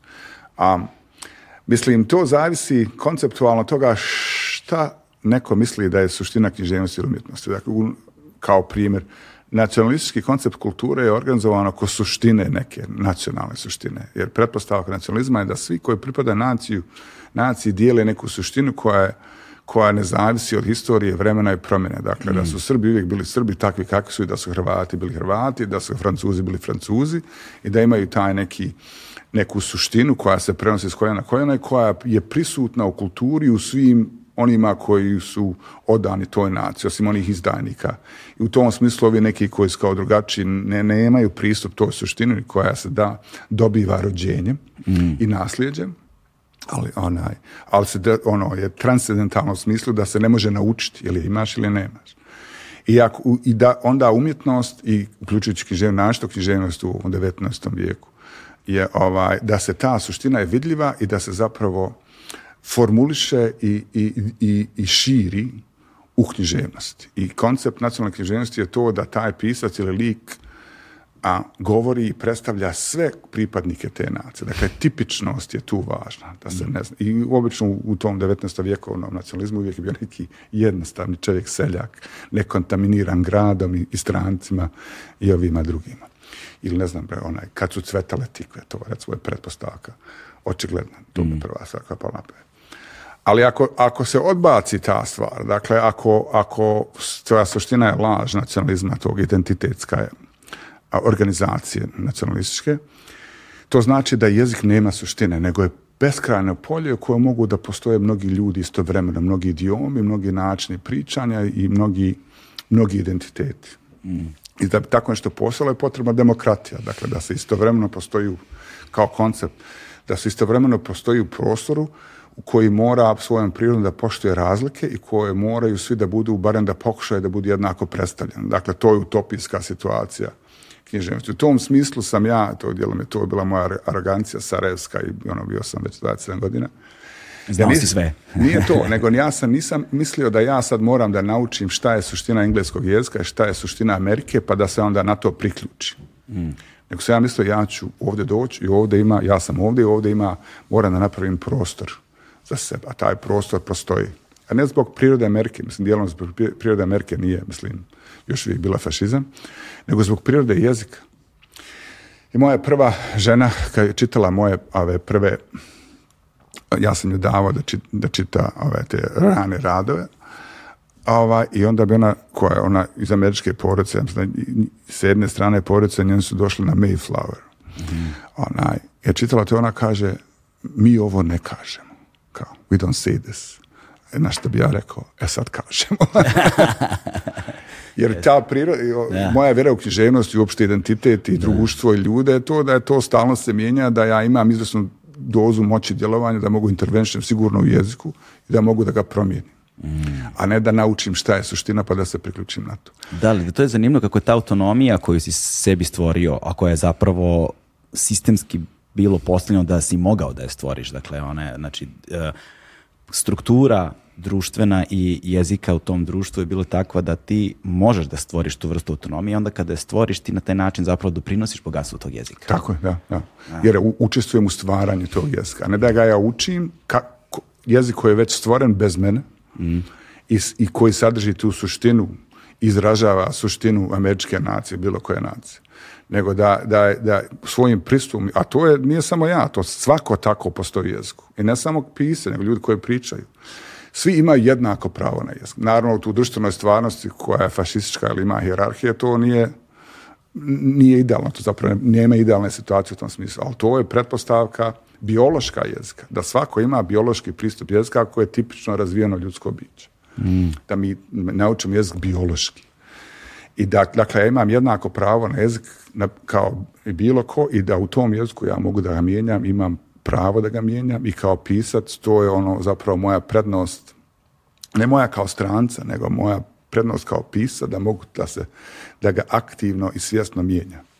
Da promijenim idiom, da ga miniram, da se, da razmontiram kliše, da, da upotrebljavam riječi na, raž, na načine ko- onaj, na koje nisu prije bili upotrebljavani. Ti vjerojatno znaš kao student, bivši student književnosti, koncept očuđavanja Da. iz onih ruskih Oneobičavanja, formula, da. oneobičavanja, Da, ja. da, da, da. Ostranjenje na ruskom, što je, koliko, ja ne znam ruski, a neću ga ni znati kakva je situacija. A onaj, ali to je isto, ostranjenje znači... a, Roman učiniti- Jakobson, da. Da, da, da, Šklovski. Šklovski, da. Onaj, da se nešto čini čudnim, ali isto tako stranim. U, u, u kom smislu, bar to za moju ličnu upotrebu, znači da, da prisustvo stranaca u jeziku mijenja jezik. I da, da je to ok. Dakle, našim jezicima postoje slojevi imperialnih riječi. U Bosni, dakle, imaju turcizmi, pa onda imaju ove sve riječi za njemačke, za jednostavnu tehnologiju, Schraffziger, Eiferschluss, Gurtna, Da, Dichtna da, da. I, i tako dalje, a sad ove engleske riječi, sad djeca lajkaju stvari i tako dalje. I to je sve, svi se bore protiv toga, a francuski nacionalisti, ne, moj da nakvariš jezik. Ali tako jezik operiše, da jezik je, svaki jezik je već više jezičan. I sad ovi nacionalisti imaju potrebu da to pospreme, da to očiste. Mislim, ali da, da se to zaista očisti, onda bi mi kroktali. da se očisti od tih stranih riječi. No. To bi bio jezik. Jeste, čeče. Znaš, vidiš da je vrlo jednostavan koncept o kojem zapravo nisam razmišljao na taj način. Ovaj, I kreiranje te tvoje autonomije je zapravo kroz dalji rad kreiralo je ono što je simbol tvog stilskog izraza, ono, ono po čemu se Hemon prepoznaje kao Hemon, znaš, i ono zbog čega te slave tamo. Ali čini mi se da je to takođe ti ćeš mi reći, ne znam, sad ja samo razmišljam o tome, pošto je to još jedna tema o kojoj smo govorili, dakle, a, prokletstvo umetnika sa ovih prostora. Da li je pisac sa ovih prostora, pis- pisateljica, umetnik, umetnica, filmski radnik ili radnica, nije važno. Ove, a, nosi pečat, stigmu, kliše, stereotip, nazove kako hoćeš, onoga kako možeš i na koji način možeš da se probiješ na tim zapadnim, nazovimo ih, tržištima, ukoliko dolaziš sa ovih prostora. Jer ono što si ti rekao, on, u, u kontekstu onoga stranac u jeziku, ti, ako je sistem postavljen tako, onda stranac u jeziku zapravo ne postoji. Da. Konstrukt je koji je nevažan, nije, nema vrednost nikakvu, jer ti više nisi stranac, nego si neko ko donosi nešto novo, što samo oplemenjuje taj jezik kao takav, ali ako stvoriš sebi prostor i ukoliko te prihvate u tom prostoru, na taj način ti, ti prestaješ da budeš bosanski pisac. Ti postaješ samo pisac. I onda se od tebe više ne očekuje ajde, pričaj nam o ratu, pričaj nam o Balkanu, ili šta god da su ono, standardne balkanske teme. I ne nalaziš se u toj zarobljenosti a, da kao želimo internacionalnu karijeru, ali se od nas u toj internacionalnoj karijeri očekuje ovo. Ili kao dobiješ internacionalnu karijeru, ali ne ispuniš očekivanja, opet to je neko iznevereno očekivanje, znaš. Ovaj, I da stalno se veliki broj naših umetnika koji zapravo ima nekakvu internacionalnu karijeru se nalazi u toj sprezi, u, tom, u, u toj uz, uz zategnutosti tog odnosa i razrešavanju toga. Kako da postanem više od ono balkanskog pisca, nazovimo to tako, znaš, kako da svojim imenom i prezimenom budem internacionalno biće. Pa mislim, to, to je komplikovana situacija, ali nije, nije to... Mislim, ti si se toga oslobodio, zato, zato samo kažem, kao čini mi se da je ovo možda odigralo ulogu u tome značajno, ne znam. Pa ne znam da li sam se oslobodio. Ti, dilema, neki dan sam o tome pričao sa Jasmilom Žbanić. Mi smo na- napisali... Otok ljubavi. Otok ljubavi i cijelo bude komedija, renesansna komedija, gdje se svi vole i sve se sretno završi na otoku i sve se tenzije razriješe ljubavi, ljubavlju i muzikom i plesom, ko su u renesansnim komedijama. I ona mi je pričala i pričala je kako je imala probleme, jer od nje očekuje genocid. E sad, e, onaj, to, jer, jer on tu, po tome je znana, u tome je dobra, sad kakva je sad komedija na, na ostrvima u koje se svi ljube i vole. Onaj, Šekspir, šekspirovski, tako je, jasno, jasno. Bogojavljanska noć, svi plešu na kraju i vole se i sve su one Svi se dileme, tako sve. Ne, nema gubitaka, sve sretni svi pjevaju. I mi smo to namjerno tako radili, kao jer stalno je tuč, i stalno je genocid, i stalno je odsup, onaj, kako bi rekao, radost je sumnjiva, znaš, on- ili je radost je samo kao reakcija na, na konstantnu depresiju, pa se napiju, pa plaču, ili se napijemo, pa plačemo i kršimo čaše o glavu, jer Da, ili je katar za oslobođenje od neke patnje. da, ono. da. Ali ona čista radost zajedništva, to iz nekog razloga nama nije pristupačno. Elem to, onaj, ali isto dilema, jer ona neće, očigledno nije prestala da pravi filmove o stvarima koje obilježili su naš život čitav i moralno, i etički, i politički i lično. Dakle, ja ne mogu da ne pišem o Bosni u ratu, niti uopšte pokušam, jer me to zanima. Ali isto tako hoću da imam slobodu da radim neke druge stvari koje nema nikakve veze s tim, ne znam da li film The Matrix ili renesansne komedije na ostrovima, gdje su junaci bosanci, ali se rat nijednom ne spomenu. I ta sloboda je ona, mislim to je u svakom kulturnom prostoru, uključujući u jeziku, teoretski je to demokratski prostor u kojem svi imaju jednaka prava, jednak pristup. Pravo na, na maštu i pravo na jezik su garantovane na izvestan način rođenjem. I ovaj, ali postoji hierarhija. Dakle, niko u Americi ne priča o, o kategoriji pisaca koji su bijeli pisci. To je kao standard. U odnosu na to se mjerali. Imaju afroamerički pisci, imaju migrantski imaju pisci iz Istočne Europe, imaju gay pisci, imaju LGBT. Mislim, zna- latinoamerički pisci. da, da. Ali standard je implicitni, a nekad je bio eksplicitni, je bijeli mužjaci.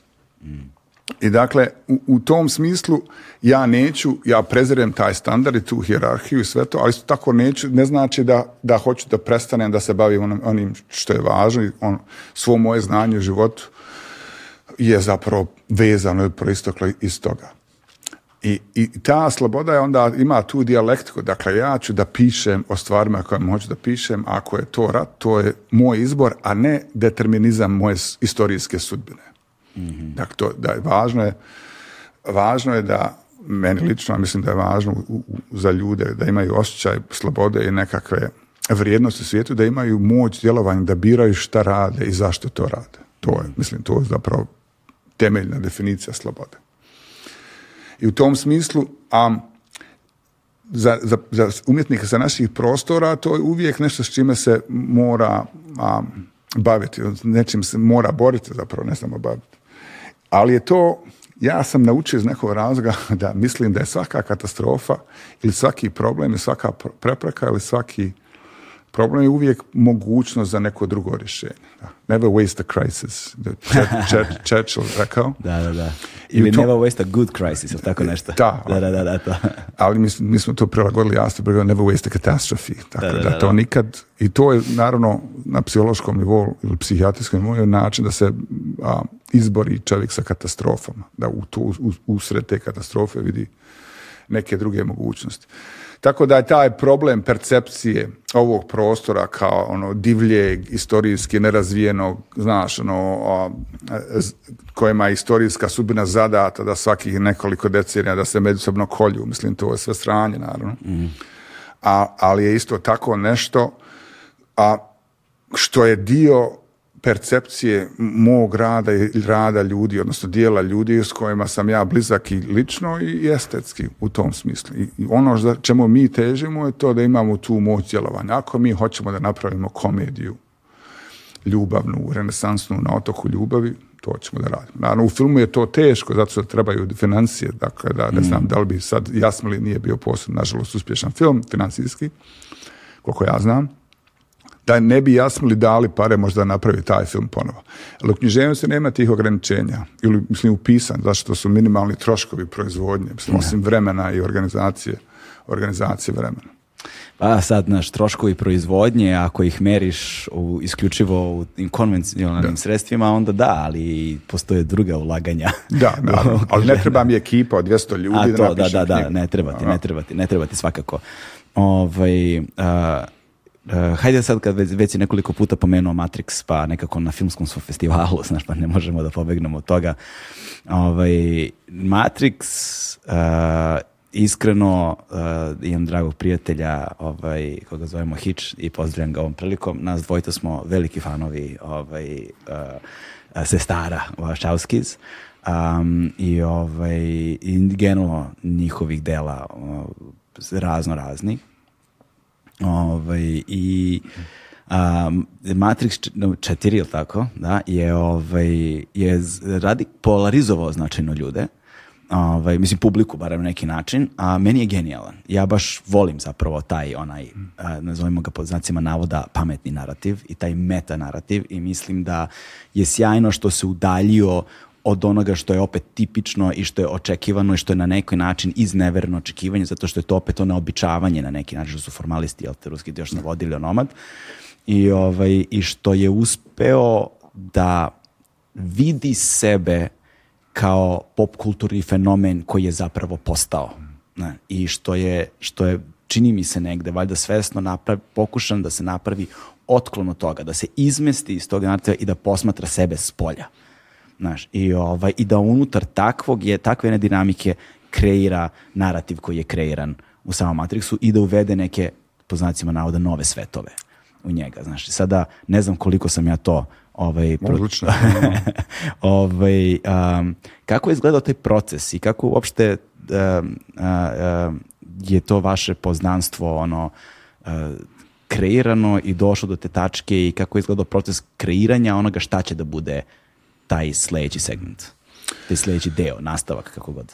Pa mislim, Lana i Lili, Lana malo više iz nekog razloga, su bliski prijatelji već ne- nekih godina, i, a i u jednom trenutku u tom prijateljstvu sam ja nekako ušao, nakon što je Lili prestala da se bavi filmom manje više, sam ja ušao u produkciju kao pisac, na, na, na špici sam a, sa Davidom Mitchellom, script consultant za Netflix seriju Sense. Genijalna sezonu. serija, by the way. Hvala.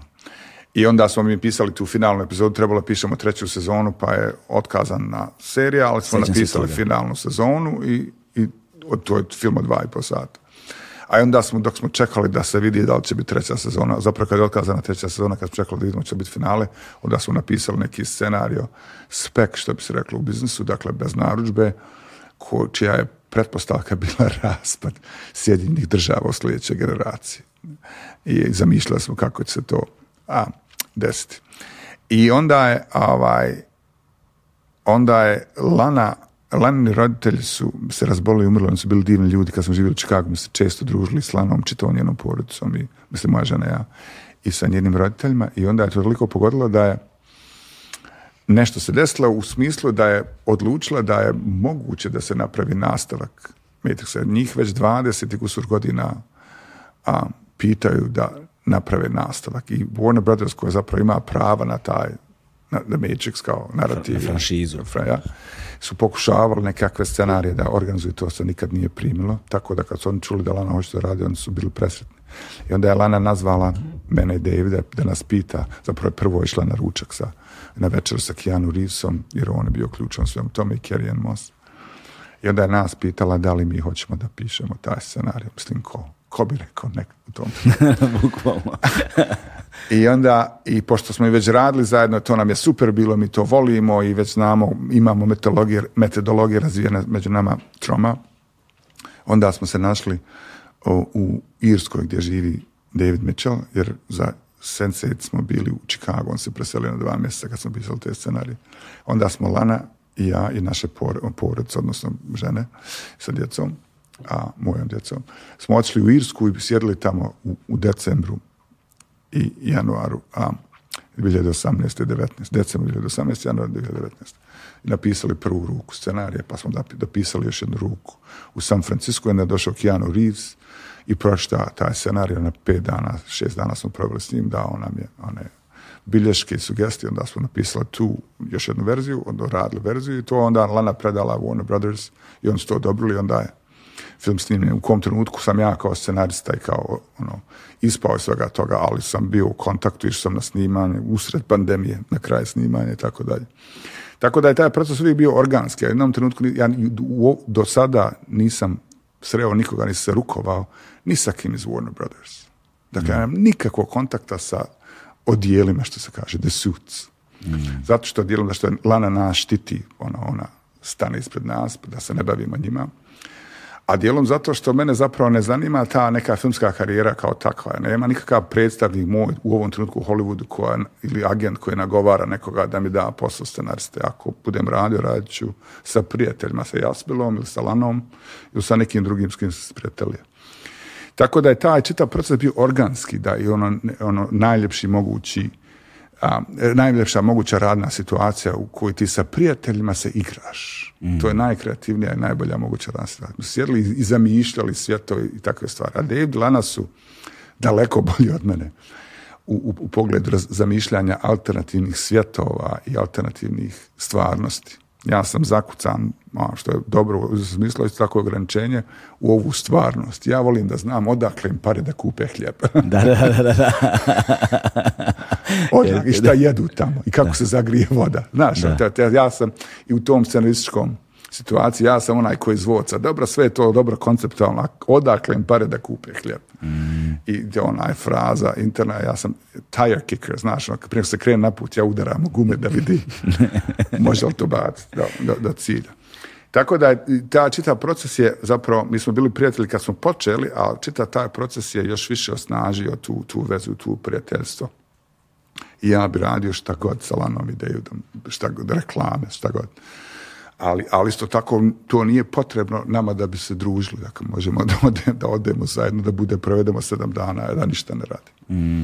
A to je recimo lepota uh, u veličini uh, takvih ljudi koji uspeju, baš kao što kažeš, da stanu i da budu štit, da budu tampon zona zapravo između vas i takozvani industrija, the suits, jel te? S jedne strane, ali s druge strane da ni se pritisak koji se eventualno vrši na njih, oni ne prenose dalje, ne transferuju ga na vas i da vam dozvole da se zapravo igrate, da, budete slobodni u tom stvaralaštvu i da, jer tako samo može se postigne pravi rezultat. I za ljude koji nisu imali nikakve dodirne tačke ni s jednom vrstom industrije na taj način, da im postoji nekakav krupni kapital koji uvek vrši pritisak i ti si negde uvek ono između nakovnja, čekići nakovnja, jel te, kako se već kaže, zaboravio sam. Ovaj, a, mali je procenat onih koji uspevaju da otvore taj prostor slobode unutar njega i da ti kažu idi sad zajebavaj se i hajde da probamo i imate pravo na grešku. Da, da, to, to je apsolutno prilagovana situacija, to ima tu oslobađajuću vrijednost, da nema mislim, troškova. Mi sjedimo zajedno i zamišljamo priče, alternativne svjetove i za, i za jebancije, sve to. A, I da, mislim, nama, sigurno meni Davidu nije bilo nikakvog razmišljanja o, o troškovima svega toga, Da. šta god hoćeš. To, to, zato što u, to, u tom smislu nema troškova u pisanju. da. Jer ne treba, ja mogu. Mi u jednom trenutku, ovaj, oni koji se bave filmom, znači na tom nivou, oni mogu da pročitaju stranicu scenarija da shvate, koliko, da ocijene koliko to košta. Dakle, ako ima toliko čaše tu, ako je, ne znam, u jednoj prostoriji da se snima, ako Ovdje ima dva glumca, da koliko to košta. A kad su one akcione scene, tu u osnovi, mislim, to je ono spekulativno, tu stranica košta milion dolara. Da, da, da. I sad smo, kad smo mi pisali te scene, se nismo isto, scene istovremeno pisali, mi smo ga razvili zaplet, onda smo ti piši ovaj dio, ti piši ovaj dio, ti piši ovaj dio, pa onda to sastavljamo, pa slažemo. Dakle, ja odem da pišem, ne znam, pet, eh, des, pet deset stranica nek, a, neke, nekog dijela filma. Kao na primjer. Pa mi, ja se ne sjećam više, jer to se sve se na kraju utopi u sve to. Ja, onaj, dosta smo vremena proveli na sceni u Matri- Matrixu i tim scenama kad su oni u onom kafeu se, se, semilate. A ovaj, kako se poznaju, kako se vide, to je vrlo ono, Kako se prepoznaje. kako se prepoznaju, da, i kako stupe u kontakt i tako dalje. Ali onda je bilo pucnjave i tučnjave i ganjanja i onda smo mi idemo da, recimo, ja sam, svi smo učestvovali, ja sam pisala one scene nakon te konačne scene, o, završne scene u, ovaj, u kafeu, ima onda ono ganjanje po ulicama i ovi padaju iz prozora i tako dalje. I onda smo pisali različite dijelove toga. Onaj. I ja se sjećam da sam ja im izašao iz svoje, onaj, svoje sobe da, da pokažem stranice. Ja sam, sad sam potrošio 5 miliona dolara. Ovo moguće da sam napisao pet stranica, pucnjave, tučnjave ganja, to je 5 miliona dolara. To, sam, znam, ono, to je koncept, ono, to je nepojmljivo, uopšte ne znam koliko je to para. Ali to igranje, to, to, zato lebećemo tome. Dakle, ne ja to shvatio ozbiljno, nisam mislio šta će reći od dijela u Warner Brothers, a- a- da, da li je ovo pet ili tri, to, tome Lana se brine i producent. I na kraju to vjerojatno, bro ne treba pet stranica za akcijonu scenu, ne znam koliko je to koštalo, ali ta, ta mogućnost da se ja igram sa tuđim parama, to je odlično. to je dobra situacija za pisca. Jeste, to je odlično. Između ostalog, ovaj, a, takođe radiš i kao profesor, a, ti si zapravo celio iz Čikaga, ne živiš u Čikagu, a, i sada si profesor na Princetonu. Ja. Ovaj, profesor a, kreativnog pisanja. Tako da. To je vrlo jedna zanimljiva pozicija. Zato što, ono, s jedne strane, najbolja stvar za kreativno pisanje je kreativno čitanje. Tako je. Pre, pre je prvo i osnovno, ali a kada predaješ kreativno pisanje, kako se predaje nešto što je kreativno pisanje?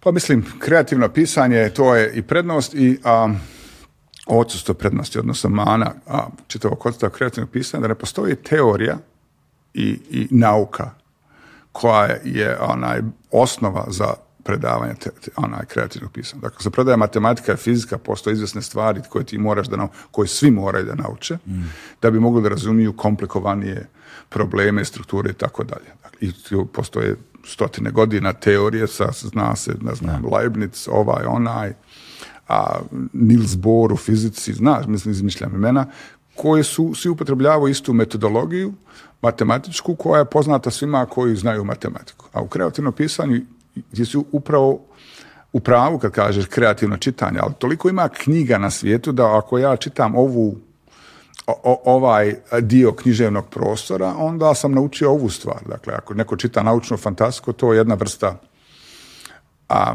a, konceptua- konceptualizacije kreativnog pisanja i pisanja kao tako. Ako neko čita Dostojevskog samo 19. vijek, to je druga.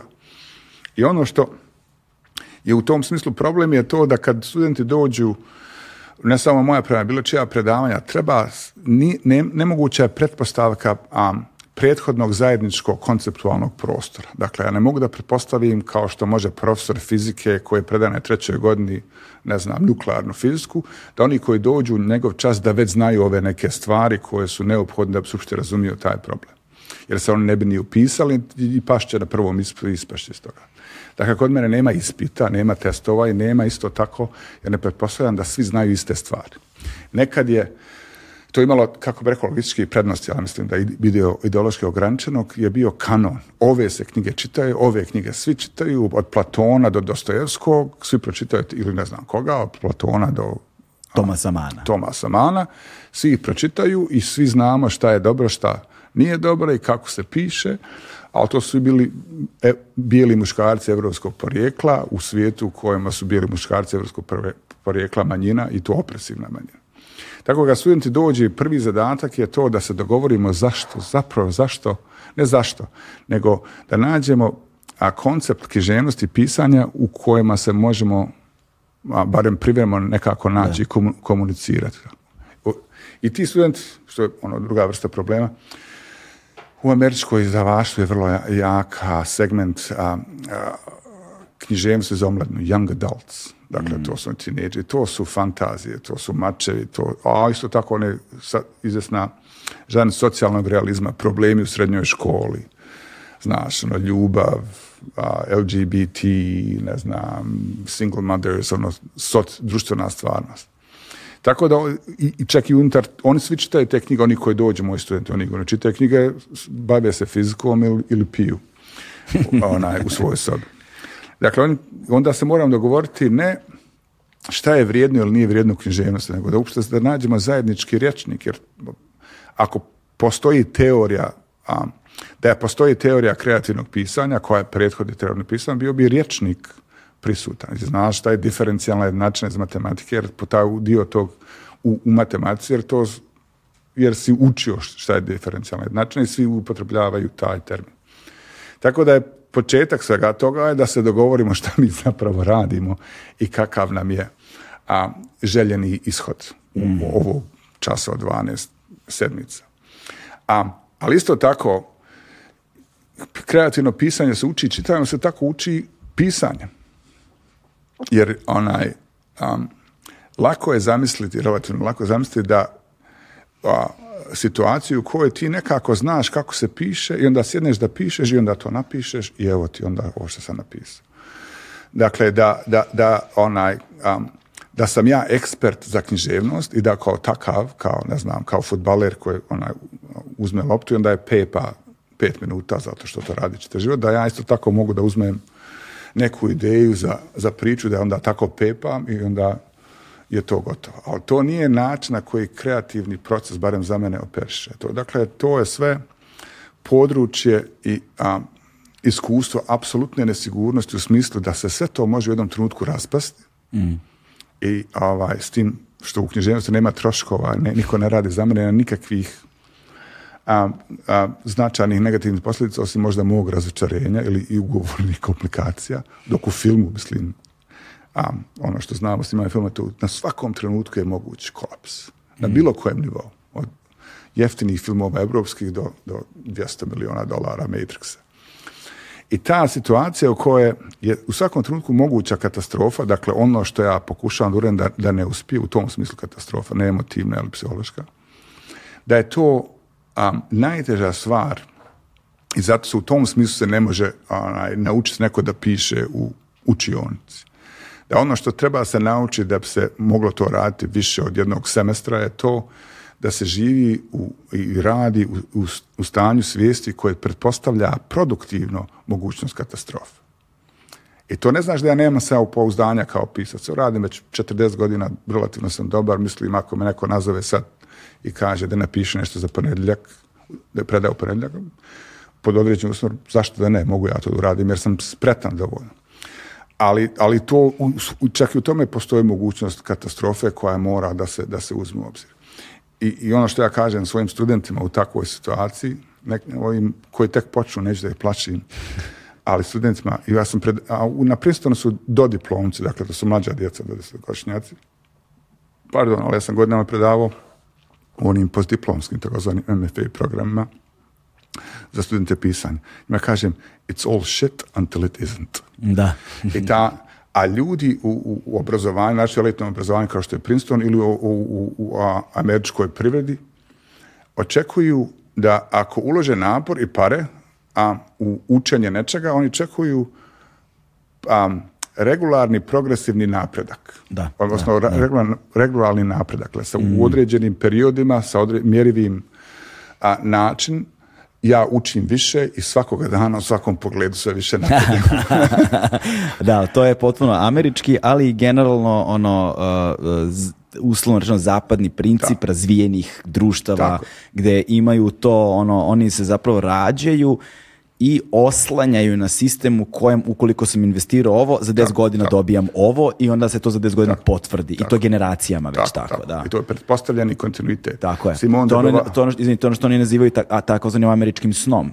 Pretpostavka da. će sledeća generacija živjeti bolje od prethodne. Simon de Beauvoir je otiš- otišao u Ameriku prvi put 47. i on to odmah tamo po New Yorku, one, ove prijemi žurke s Mm. nalaženjem s intelektualcima. Ona je uspjela unutar sedam dana i onda je ona primijetila tu kao, za razliku od Evrope gdje je bio genocid, krah, u Pariz još uvijek nema hljeba da se kupi, a u, u- primijetila je tu nadu i optimizam Amerikanaca, po, po ono, mitološki to kao Amerikanci takvi ali je to ona in- momentalno povezala sa kapitalističkim sistemom koji se zasniva na kreditu. Ti dakle da bi uzeo kredit na 30 godina da kupiš kuću, što je standardna dužina kredita u Americi za kuću, ti moraš da vjeruješ da će za 30 godina biti manje više isto.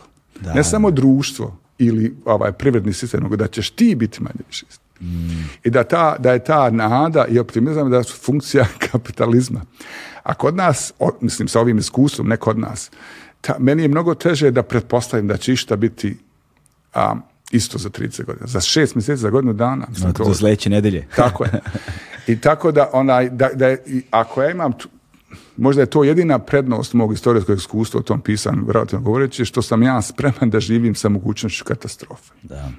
i da to onda dovodi izvesne vrste hipomanije. Ja pišem pod svim uslovima, u svakom trenutku, u svakom okolišu. Nema blokova. Ja ne znam šta je to. Moji su blokovi da pišem četiri stvari istovremeno, a, a sve imaju rokove i da je nemoguće riješiti tu krizu te je tako mogućnost katastrofe a, vječito prisutna. I u kreativnom pisanju to je teška situacija za nastavnika. Ja moram da ubijedim svoje studente koji su već nesigurni 20-godišnjaci, koji to probavaju, da je u redu da ne znaju šta rade. A dok im ja projec, ona, projeciram na njih svoj autoritet kao nekoga ko zna šta radi. Da, da, da. Ja ne mogu njima da kažem, vidite, nakon 30 godina pisanja knjigu koju ja pišem, ja zapravo ne znam šta radim, ali imam strpljenja i nije katastrofa je ono dio mog života tako da to nije ono ne, ne paralizuje na bilo koji način. I da na kraju to praktično se to dovodi do toga da oni napišu nešto onda ja rečenicu po rečenicu govorim možda bi ovako moglo biti bolje, možda ovako, možda ovako. Dakle, ako je, ako je implicitno obećanje u, u predavanju kreativnog pisanja da će ti na kraju ovog procesa biti odličan pisac, to je nemoguće.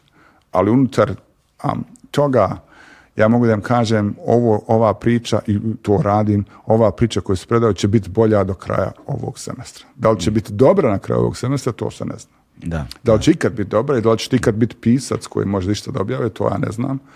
Ali ja ti mogu reći možda bi ovo ovako moglo. Ali ne kao ekspert i autoritet, nego kao čitalac. Da. I možda obećanje da ćeš pokušati da im pružiš alat koji će im olakšati da se oslobode stega teh vrsti očekivanja Da. ili možda suočavanja s tom katastrofom. Jer kao ono, Darwinovo ne opstaju najsnažniji, najinteligentniji, nego najspremniji na promene. Da, da. Znaš, Tako ube- je. u- tako je. E, a sad ta tvoja hipomanija, ovaj, onda, onda dok si na Princetonu ovaj, stigne pandemija i opustoši celu zgradu i ti sediš sam u praznom, praznoj, praznoj zgradi i ovaj, suočavanje sa novom krizom, suočavanje sa novom katastrofom i sa tim takozvanim strahom od zaustavljanja, ulaziš u svoj hipomanični mod i počinješ da radiš nešto što nisi radio nikada pre. Pa po, počne da se bavim muzikom, da, da produciram muziku. Nekad sam imao bend u Sarajevo, ali svi smo imali ko što i treba da ima i to je bilo ono, godinu dana je trajalo, ali sam uvijek bio opsjedno muzikom, imao sam gitare i, i, ono, imam ogromno uzaludno znanje o muzici, kao neko ko je ono, uvijek bio zainteresovan za to. Na omladinskom radiju. Tako je, ja. a onaj, i, svojevremeno sam, jedna od mojih emisija je kratko bila nešto zvalo Radio Evergreen. gdje su ovi prethodni urednici puštali, ne znam, a u najboljem slučaju Grateful Dead ili ne znam Jefferson Airplane, ja sam počeo da puštam Ein Sturz der Neubauten i Felo Kutija, tako da. Da. Oh, ein Sturz der Neubauten, uh, Blixa ba Bargerlege, Ta- da, da, da, da, da. Ovaj, i muzika je dakle bila dio toga, ali u pandemiji ja shvatio da će biti ogromna količina vremena, da nisam u stanju da sjedim s mirom i da ona energija a, koja svakodnevno trošim na, kao svi svakodnevno trošim na komunikaciju sa drugima, uključujući moje profesionalno prisustvo u javnom prostoru kao pisac, dakle intervjui, nastupi, ručkovi sa urednicima ne znam, agentima tako dalje, da je sve to nestalo i što mi je bilo olakšanje na isti način, ali to otvara ogromnu količinu vremena s koja treba nešto da radim i ogromnu količinu onaj, am, potrebe za prostorom u koja mogu da, tu, da se lišim te energije. Ja sam počeo da produciram muziku i trebalo je malo da naučim što kako se to radi od, od apsolutne nule sam počeo da učim kako da produciram muziku a čitavo vrijeme i onda je to raslo i raslo a, a, dakle ja nisam odlučio da budem muzičar nego sam odlučio, uvijek je odluka bila daj da uradim sljedeći korak pa vidim šta će biti jer ja ne znam ništa pa onda sljedeći korak, pa onda sljedeći korak. I sad je to došlo do otle da sad ima de facto onu karijeru ne, krajnje neprofitabilnu, u smislu da se bavim svakodnevno nekim svojim muzičkim projektom, da izdajem singlove, da produciram videa, da jučer sam prvo dan u studiju, ovdje smo radili remix jedne stvari sa gudačima i tako dalje. I da je to onaj zapravo bio spas u toj situaciji iz dva razloga. Jedan je to što u, u situaciji bilo kakve opšte katastrofe, rat, pandemija, da se nama kao pojedincima ili kao onaj malim grupama ljudi bez um, koji nisu ne učestvuju u organizaciji vlasti, da se nama progresivno smanjuje moć djelovanja. A ljudi, um, ljudska bića nisu, biološki im je neudobno u situaciji kad ne mogu da, da od, donose odluke u vlastitom životu. Čitava logika te imigracije je da migracije, imigracije, da ljudska bića uvijek žele aksiomatično da idu u prostor gdje imaju više moći djelovanja. Fizički. Dakle, ovdje nema moći, ovdje sam žrtva, pucaju na mene, nema spasa, idem tamo gdje mogu da donosim odluke o svom životu, gdje pijem kafu ili gdje mi djeca idu, idu u školu. I ta situacija kreativna, ako kreativnost ima terapeutsku vrijednost je to da kad pišem ili kad se ba- bavim muzikom, to su milioni sitnih odluka i ja uvijek mogu da vidim koji je ishod tih odluka, dobar ili loš, ali su odluke, barem u tom trenutku izgledaju kao isključivo moje. I to stvara ne iluziju, nego stvara prostor u kojem ja kao ljudsko biće imam moć djelovanja u trenutku kad u društvu, u svijetu, zbog pandemije ili rata ili trumpizma, fašizma, je ta moć djelovanja značajno, značajno umanjena. Zato ljudi pišu poeziju u koncentracijnim logorima. Da. da. Ne zato što bi taj sadržaj ih spašava, nego zato ja još uvijek imam moć djelovanja. Pišu a, ona kao treća simfonija Goreckog se pjevaju tekstovi koji su bili napisani na zidu zatvora u Poljskoj, ne, ne, ne znam, u Lođu, ja mislim, a, ljudi koji su poslije toga likvidirani. Oni su zadnjim časovima pisali nešto na zidovima. Dijelom naravno da se ostavi, da, ono- da, da ih se neko sjeti, ali ta odluka je još uvijek neka moć djelovanja.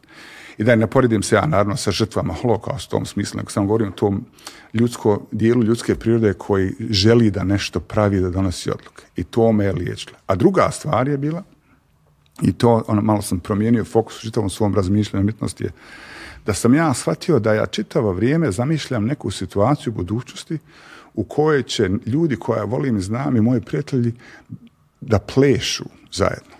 Jer ja volim, jedna stvar koju volim sa ovom klubskom scenom i, i plesom, sve to je kolektivna radost, zajednička radost, dijeljeno iskustvo, simultano radost. Karnevalska situacija u kojoj su hierarhije se eliminišu jer se učestvuju u toj nekoj transu radosti. Za razliku od individualiziranog pisanja, čitanja, gdje ja sjedim u samoći, pa onda ja to radim 12 godina, kad ja to završim, ne, to tebi predam, pa onda ti sjediš u samoći i to radiš. Mislim, to je konceptualno, ima i tu nekog zajedništva, to je druga priča.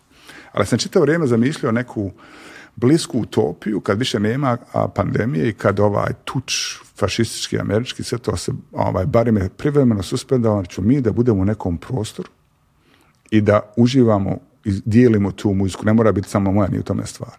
Tako da, je, da sam ja sjedio sam u zgradi od sedam spratova godinu i po dana, manje više, osim osoblja tu tamo, koji su čistili, da znam, mijenjali sjelice i, i pravio muziku u mojoj kancelariji.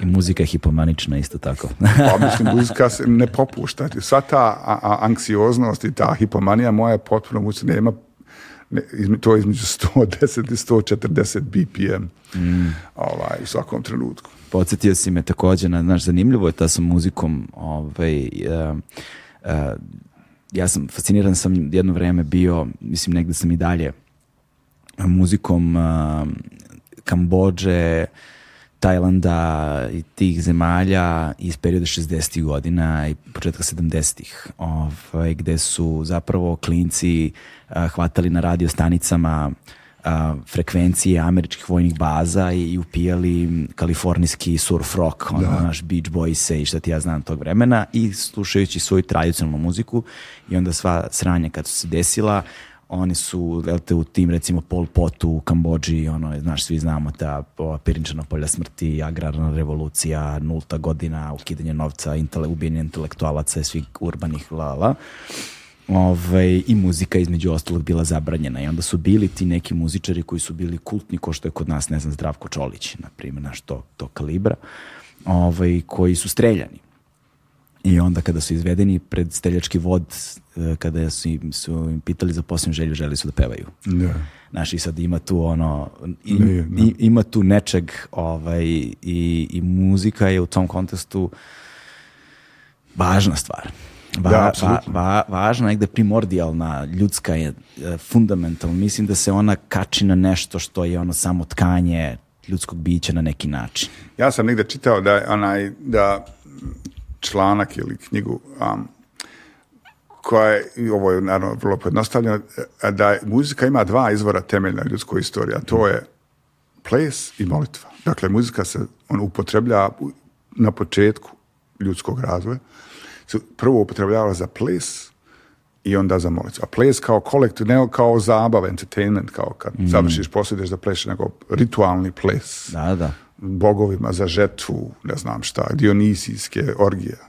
Ma i Dakle, kad posmatraš i po afričkim plemenima i kad je. posmatraš na ostrvima u izolovanim društvima koje nisu imala kontakt, kad posmatraš indogene narode, tako ti, ti vidiš zapravo istu stvar. isto, ja, ljudska potreba za zajedništvom, za bio, ono, ljudskim kontaktom fizičkim i za dijeljenjem iskustva, koji ima evolut, no, vrijednost u smislu evolucije za reprodukciju, što ja znam, zahtjeva a, dijeljenje iskustva i organizaciju tog dijeljenog iskustva i stvaranje tog dijeljenog iskustva. Dakle, i uključujući, i što je vrlo važno, je zajedničku radost. Dakle, da budemo za, ili trans, jer su onaj u, originalnoj postavci, je a, plesanje i muzika su dovodile do transa koji ih je prebacivala u neke druge transcendentalne prostore, su viđali bogove ili ne znam, druga bića, šta ja znam.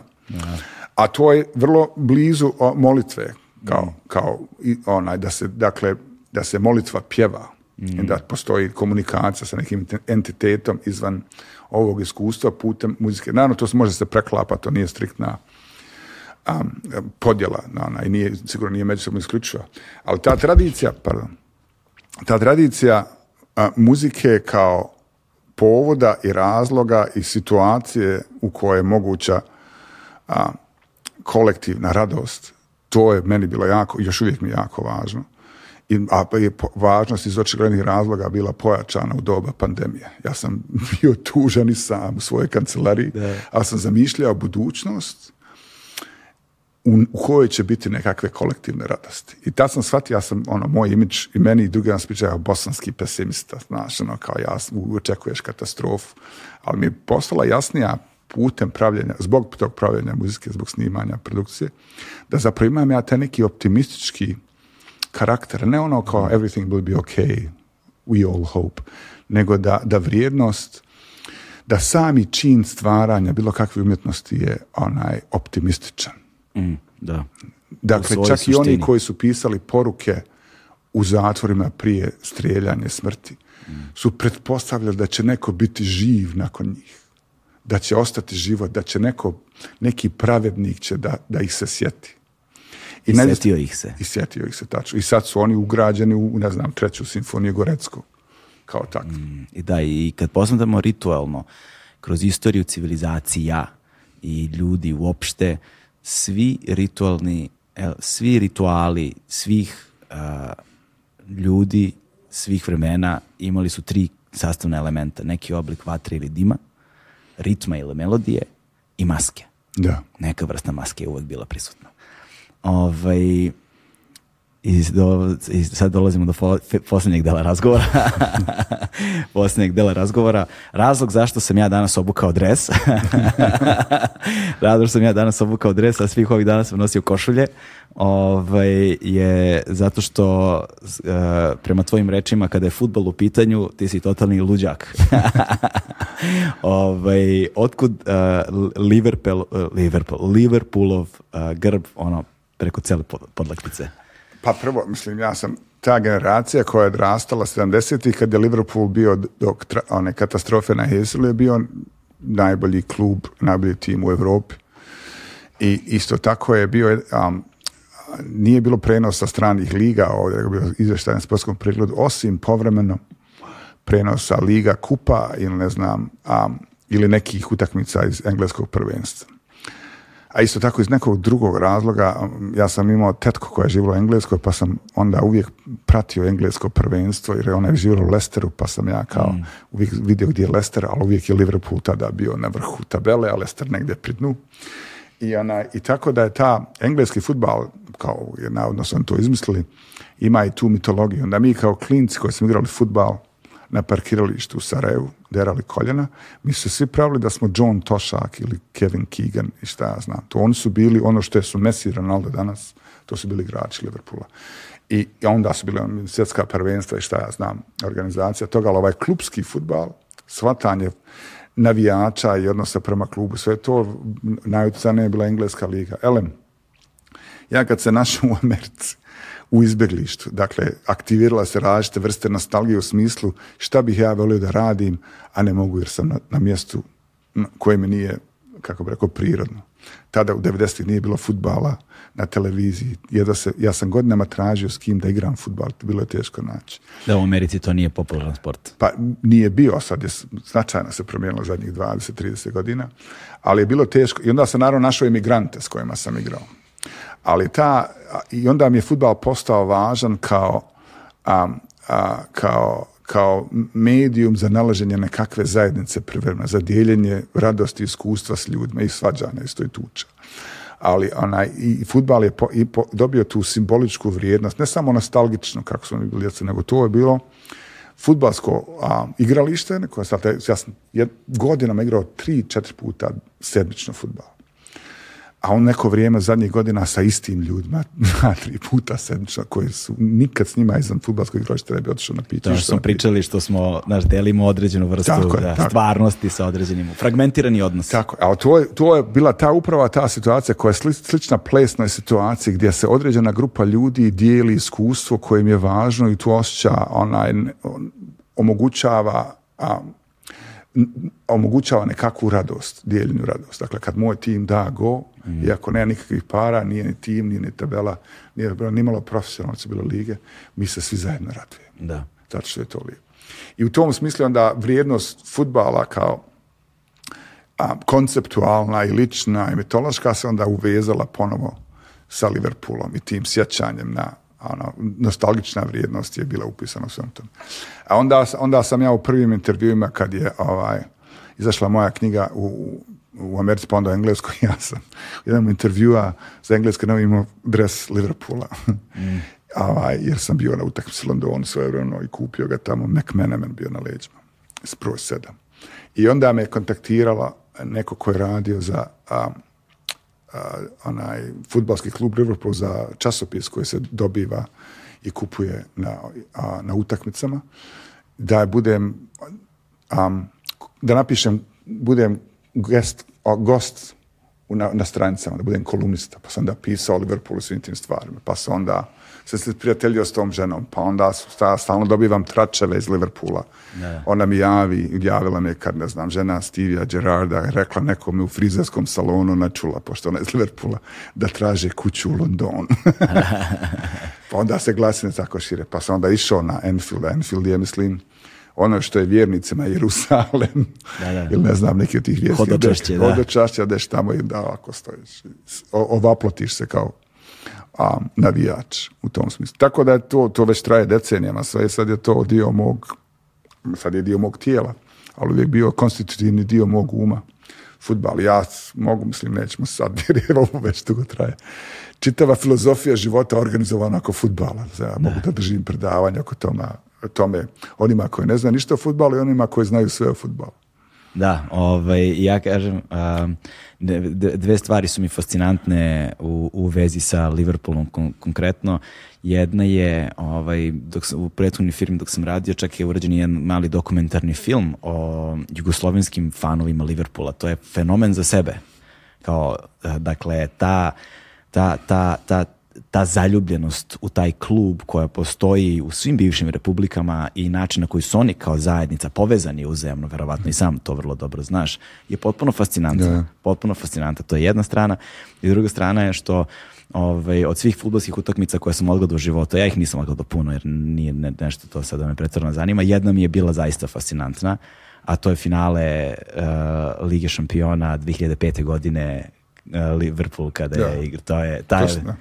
I toga se ja, to sam gledao u Sarajevo sa grupom prijatelja, navijača Liverpoola. Ja sam bio tad u Sarajevu, provodio ljeto. I na poluvremenu, i drago mi je se svi oni toga sjeća, bilo 3-0 očaj, rastura Milan, Liverpool. I ja sam na poluvremenu rekao, i on si očajni, ja kažem, nije, nije meni bilo lako, nije ovo kraj, tu, ovo je Liverpool. I onda, i, on- i onda je Liverpool dao tri gola i pobjedio na penalu. To je I to je, bilo. predizam. a jedan je od tih mojih prijatelja iz nekog razloga, kad se dao treći gol, skočio od radosti i sve snage kao centar for udario glavom u štok. I da mu pukla glava i da je krvario do kraja utakmice i kroz penale sa peškirom na glavi koje se bojio u crveno. Eto simbolike za jednog pisca. a? Hvala ti puno. Hvala tebi. Hvala ti puno na vremenu, hvala ti puno na ovom divnom razgovoru ovaj, a, i nastavit ćemo nekom drugom prilikom, a možda i sad. Hva- Hvala vama. To je Sve to. najbolje. To je to, stigli smo do kraja. Ćao. Ćao.